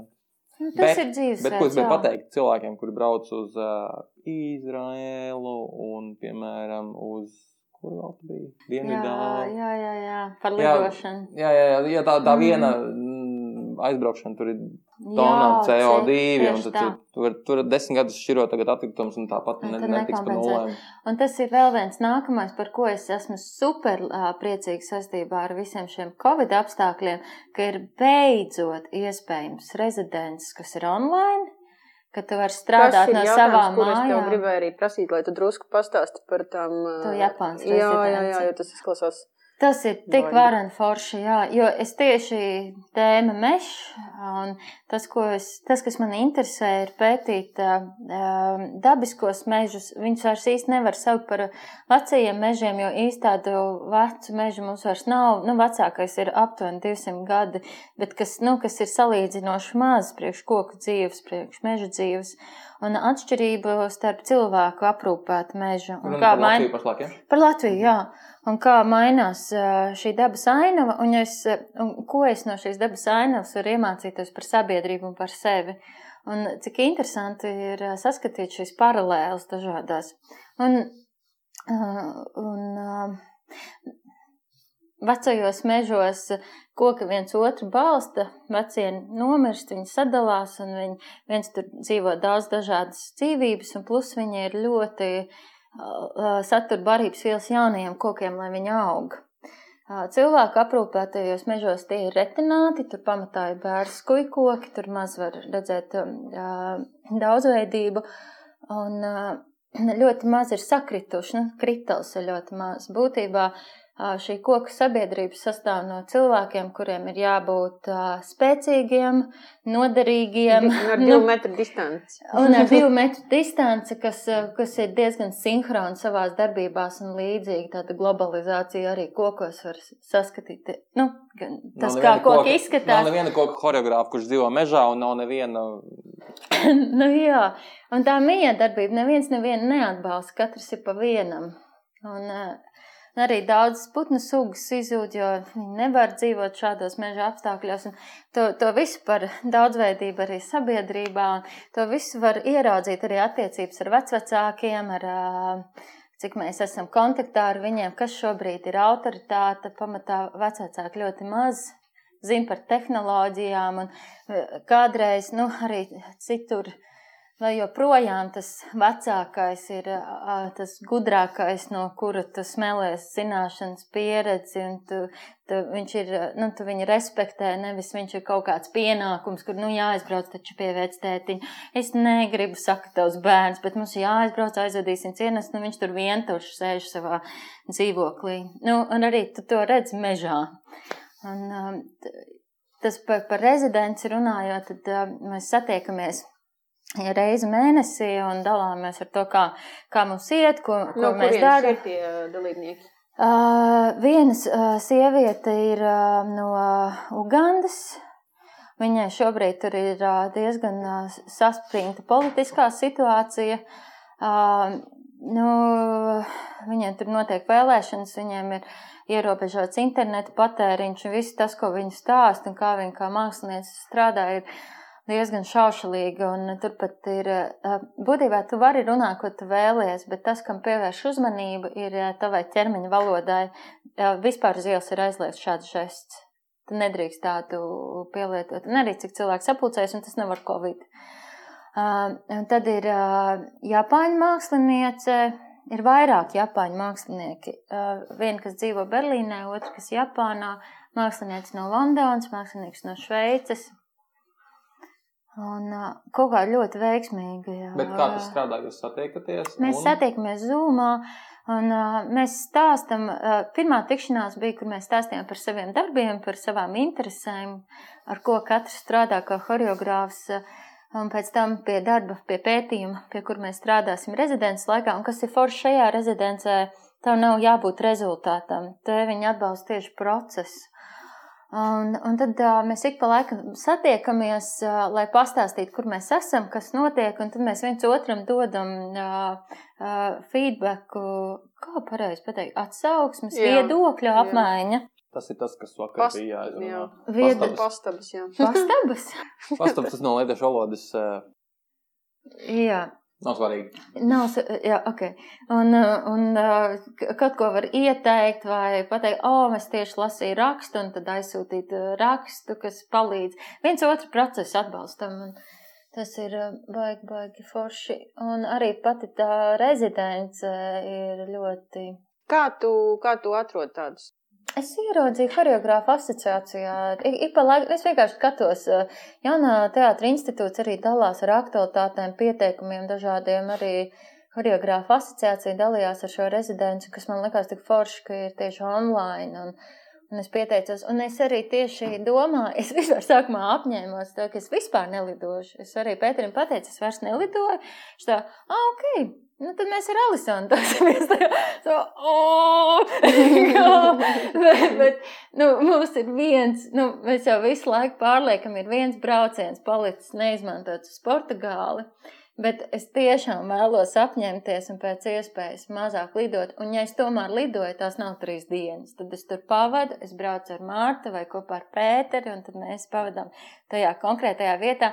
Un es braucu nevis tāpēc, ka bija iespēja, un tur labu stipendiju dot, bet tāpēc, ka man ir svarīgi tur būt un visu laiku. Nu, jā, nu, bet man ir arī vieglāk, tāpēc, ka es neesmu nu, tāds baigais ceļotājs. Un Pēters jau ir daudz kur ir bijis. Un man atkal, nu, tas nav nekad bijis tāds, ka man obligāti kaut kur ir jādodas ceļojumā. Nu, jā, es vispār pirmo reizi lidoju, tad, kad man laikam bija 23 vai 22. Uh, lidojums uz Izraēlu bija mans otrais lidojums mūžā Mhm. vispār. Un kopumā es nu, tāpat esmu samērā maz lidojusi. Yes! Tā, Ok. par, par, eh, par teātri, jo katru gadu, katru gadu pabeidz koreogrāfu kultūras akadēmiju. Lūdzu? Katru gadu pabeidz koreogrāfu. Reiz četros, tagad reiz trijos. četros. Tagad Tad- reiz trijos. Aha, arī paliek biežāk, tad jūsu arī jau gana daudz. Vairāk. Aktieri pabeidz katru otro gadu, un tad viņi viens ar otru cīnās par darba vietām Narvesenos droši vien. Tāpēc, ka visiem nekāda darba nepietiek. Tas ir neizbēgami. Uh, un ne visi choreogrāfi strādā teātros. Kā, kā, kā tu esi tikusi līdz teātrim? Jo šis tomēr teātris podkāsts mums bija jāsaprot kaut kas. Par teātri, jā.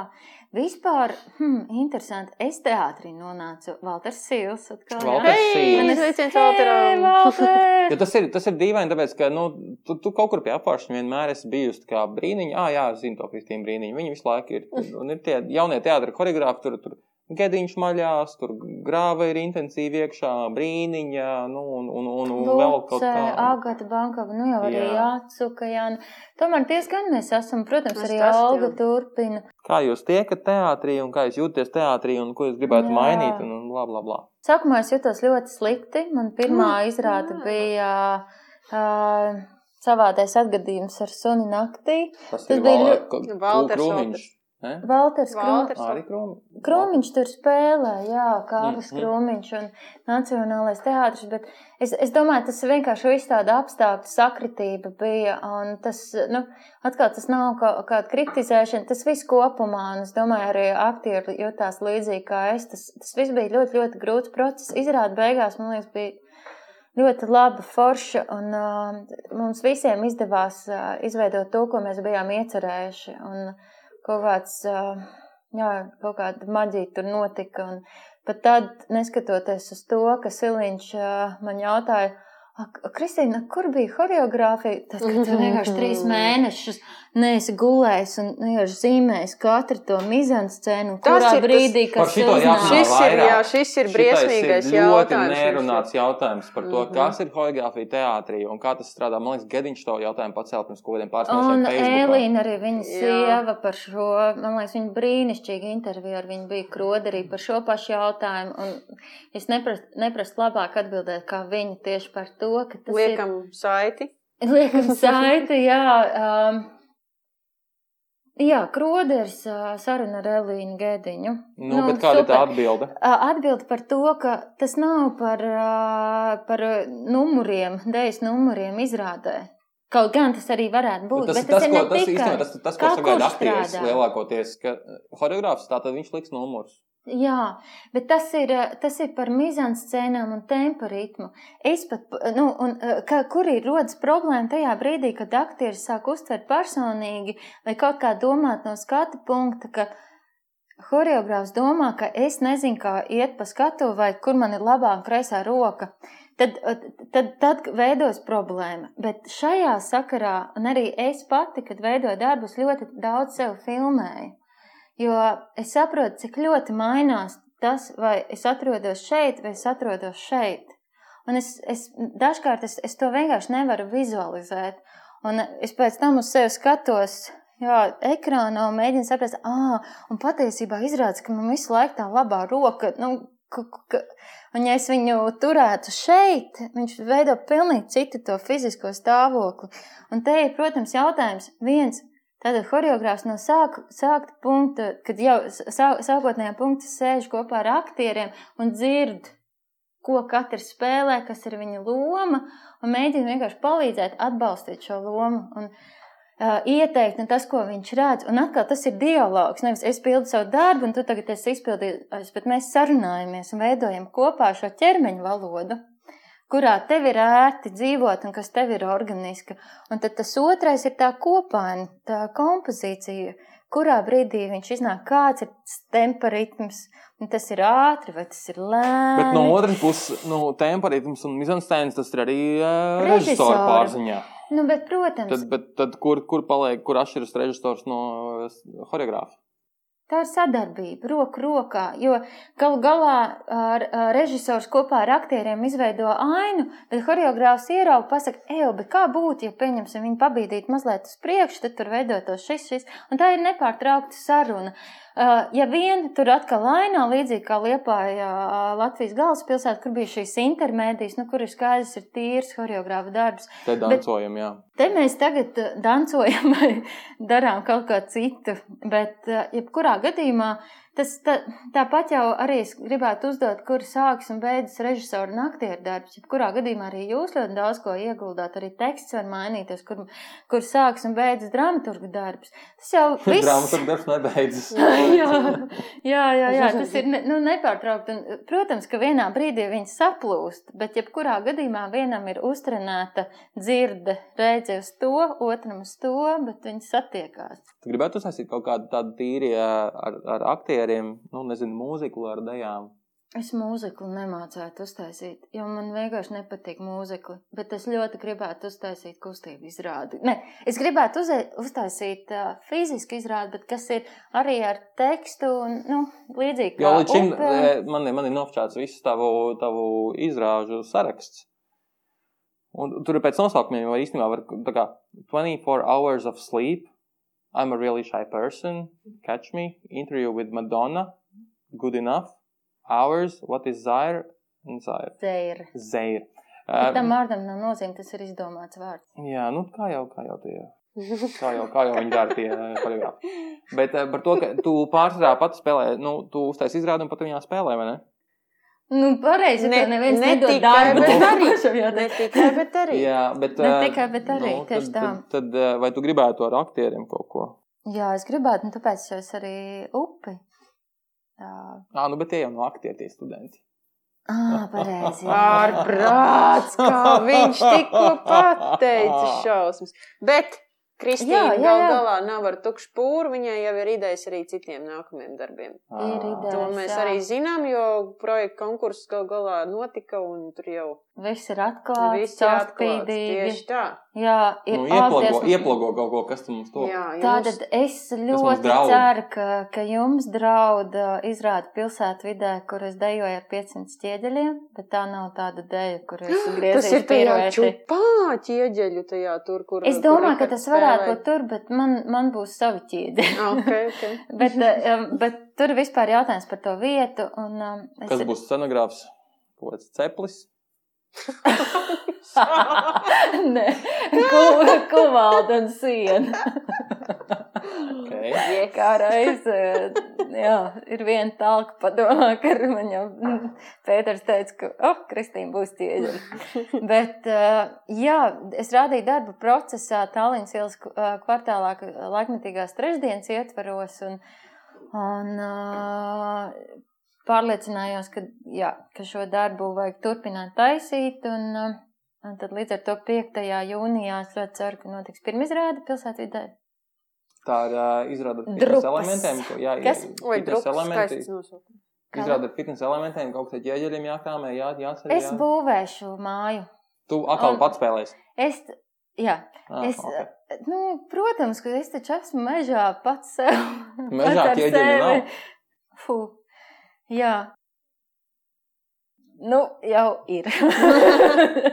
jā, nu, jā, un um, balansējuši ķieģeļiem. Tas ir par jautājumu mājas, ko nozīmē mājas, un tas radās pandēmijas laikā brīdī, ka visu bija par daudz. Un šķiet, ka šis ir tas brīdis, kas varētu savākt mantas un doties projām. Vienkārši pielikt punktu visam. Tu atceries, ka tev ir vīrs un bērns un mešs. Un... To es ļoti labi zināju tajā brīdī, bet tik liel, liels izmisums bija un tik ļoti pietrūka telpa sev un vispār. Bet tad, tad arī parādījās jautājums, kas īsti ir mājas. Tā ir vieta, vai tie ir šie, tieši tie cilvēki, ko tu mīli un ko tas sevī prasa. Un arī man, man burtiski piedod, tev būs tā jāmantē. Tāda dziļa nopūta veikals jau arī vairs nespīd. Šajā brīdī mēs atgādājam, ka ir iespēja patreon.com atbalstīt mūsu un, un, un Mildu ar Dainu, kas visu šo montē kopā. Bet vispār Jā. lēnām kaut kā mēģinām apaļoties. Jā. Mums Jā. jau tūlīt būs divas stundas. Tas jau ir pilnīgs. Tas jau ir daudz. Īsāk, tas ir viens darbs, jā, par mājām, par pamestām mājām. Kāpēc cilvēki dodas projām un, jā, vispār dodas no punkta A uz punktu B? Pats par spēlēs, pat attiecībām taisīsi, ilgām. un kur spēlēs, jau viss ir izdomāts. Vai... Liepājā pilsētā vidē. Liepājā arī. pilsētvidē. Turpināt. Gaidām ziņās. Gaidām. Nu, Jā. ok. Jā. Uh, mums ir rubrika, ko tu vēlētos, kā nākamā podkāstu viesi, kur, kā tev liekas, ko mums, ko mums vajadzētu uzaicināt papļāpāt. Izņemot Pēteri. Varbūt ir vēl kāds. Tāli. Kur tālu? Tālis. jaunaitis. Tālis, kas piedalījās izrādē upe. Viņš Wow. ir mī. Pagaid, pagaid, pagaid, kāds tāls tur ir visi studenti. Nē, nē, nu viņš Stāsts. ir stāsta izēju raksturs cilvēks. Jā. Dzīve. Okay. Nu, ir tāds režģīti. Solīt, nesolam, mums ir tāds par teātri podkāsts. Nu, ņemam kintī komplektā, un tad jau Kinti var, o, oh, bet zini, tas būs, mm, man liekas, Kintijai būs smagi. Tas varētu būt par, par, par lielu izaicinājumu, par smagu. Labi, ja, ja tur nesanāk, jo arī tāls var atteikt, kautrējoties no, no šīs situācijas, tad um, pagaid, liepāja? Kīvoja Nē, nē, nē, nē, nē. Te, liepājai obligāti te nav jābūt. Es gribētu, lai jūs parunājaties ar Dežurānu, kas tur sēž. O? Kāpēc nē? Nu, Labi, nu. Nu. Kāpēc nē? Kā viņa? Ok, paldies tev, Kristīna, ka atnāci. un, Sarežģījums citi. Nē, nē, Nē, nē, es, piemēram, gaidu, šo es, piemēram, tagad gaidu to brīdi, kad būs kaut kāda atvieglojuma. Es gribu jau pieteikties ciemos, braukt, pļāpāt. Es nezinu, šī, Jā, šī ir viena no tām sarunām, kas uh, nebeidzas. Mm. Tā kā baigi forši, ka tu biji. Atgādinām, uh, mēs jūs joprojām visus gaidām uh, Facebook grupā Pīpētavas sarunas. Mēs jūs joprojām gaidām Patreon kontā Pīpētavas sarunas. Dodiet mums savu naudu. Un, uh, jā, Kāpēc naudu jādod? tāpēc, ka mēs te uz brīvprātības principu. Ja lai mīlē Ah, kaut ah, kāds drusīgs. Ah, tas ir tā kā Jā. ziedojums. Jā, tas ir tāds Ziedojiet obligāti jā. podkāstam, jo šeit patiesībā šis ir tas brīdis, kurā apliecina, ka mēs sakam, no, jā, mums ir svarīgs teātris, mums ir svarīgi aktieri. Šis ir tas Jā, dzīvais jā. īstais kontakts, kur, Nu, jā. Kur give Tā jūs arī varat pierādīt. Jā, give and get process var notikt. Paldies un Forši. atā! Paldies, tā! This is it.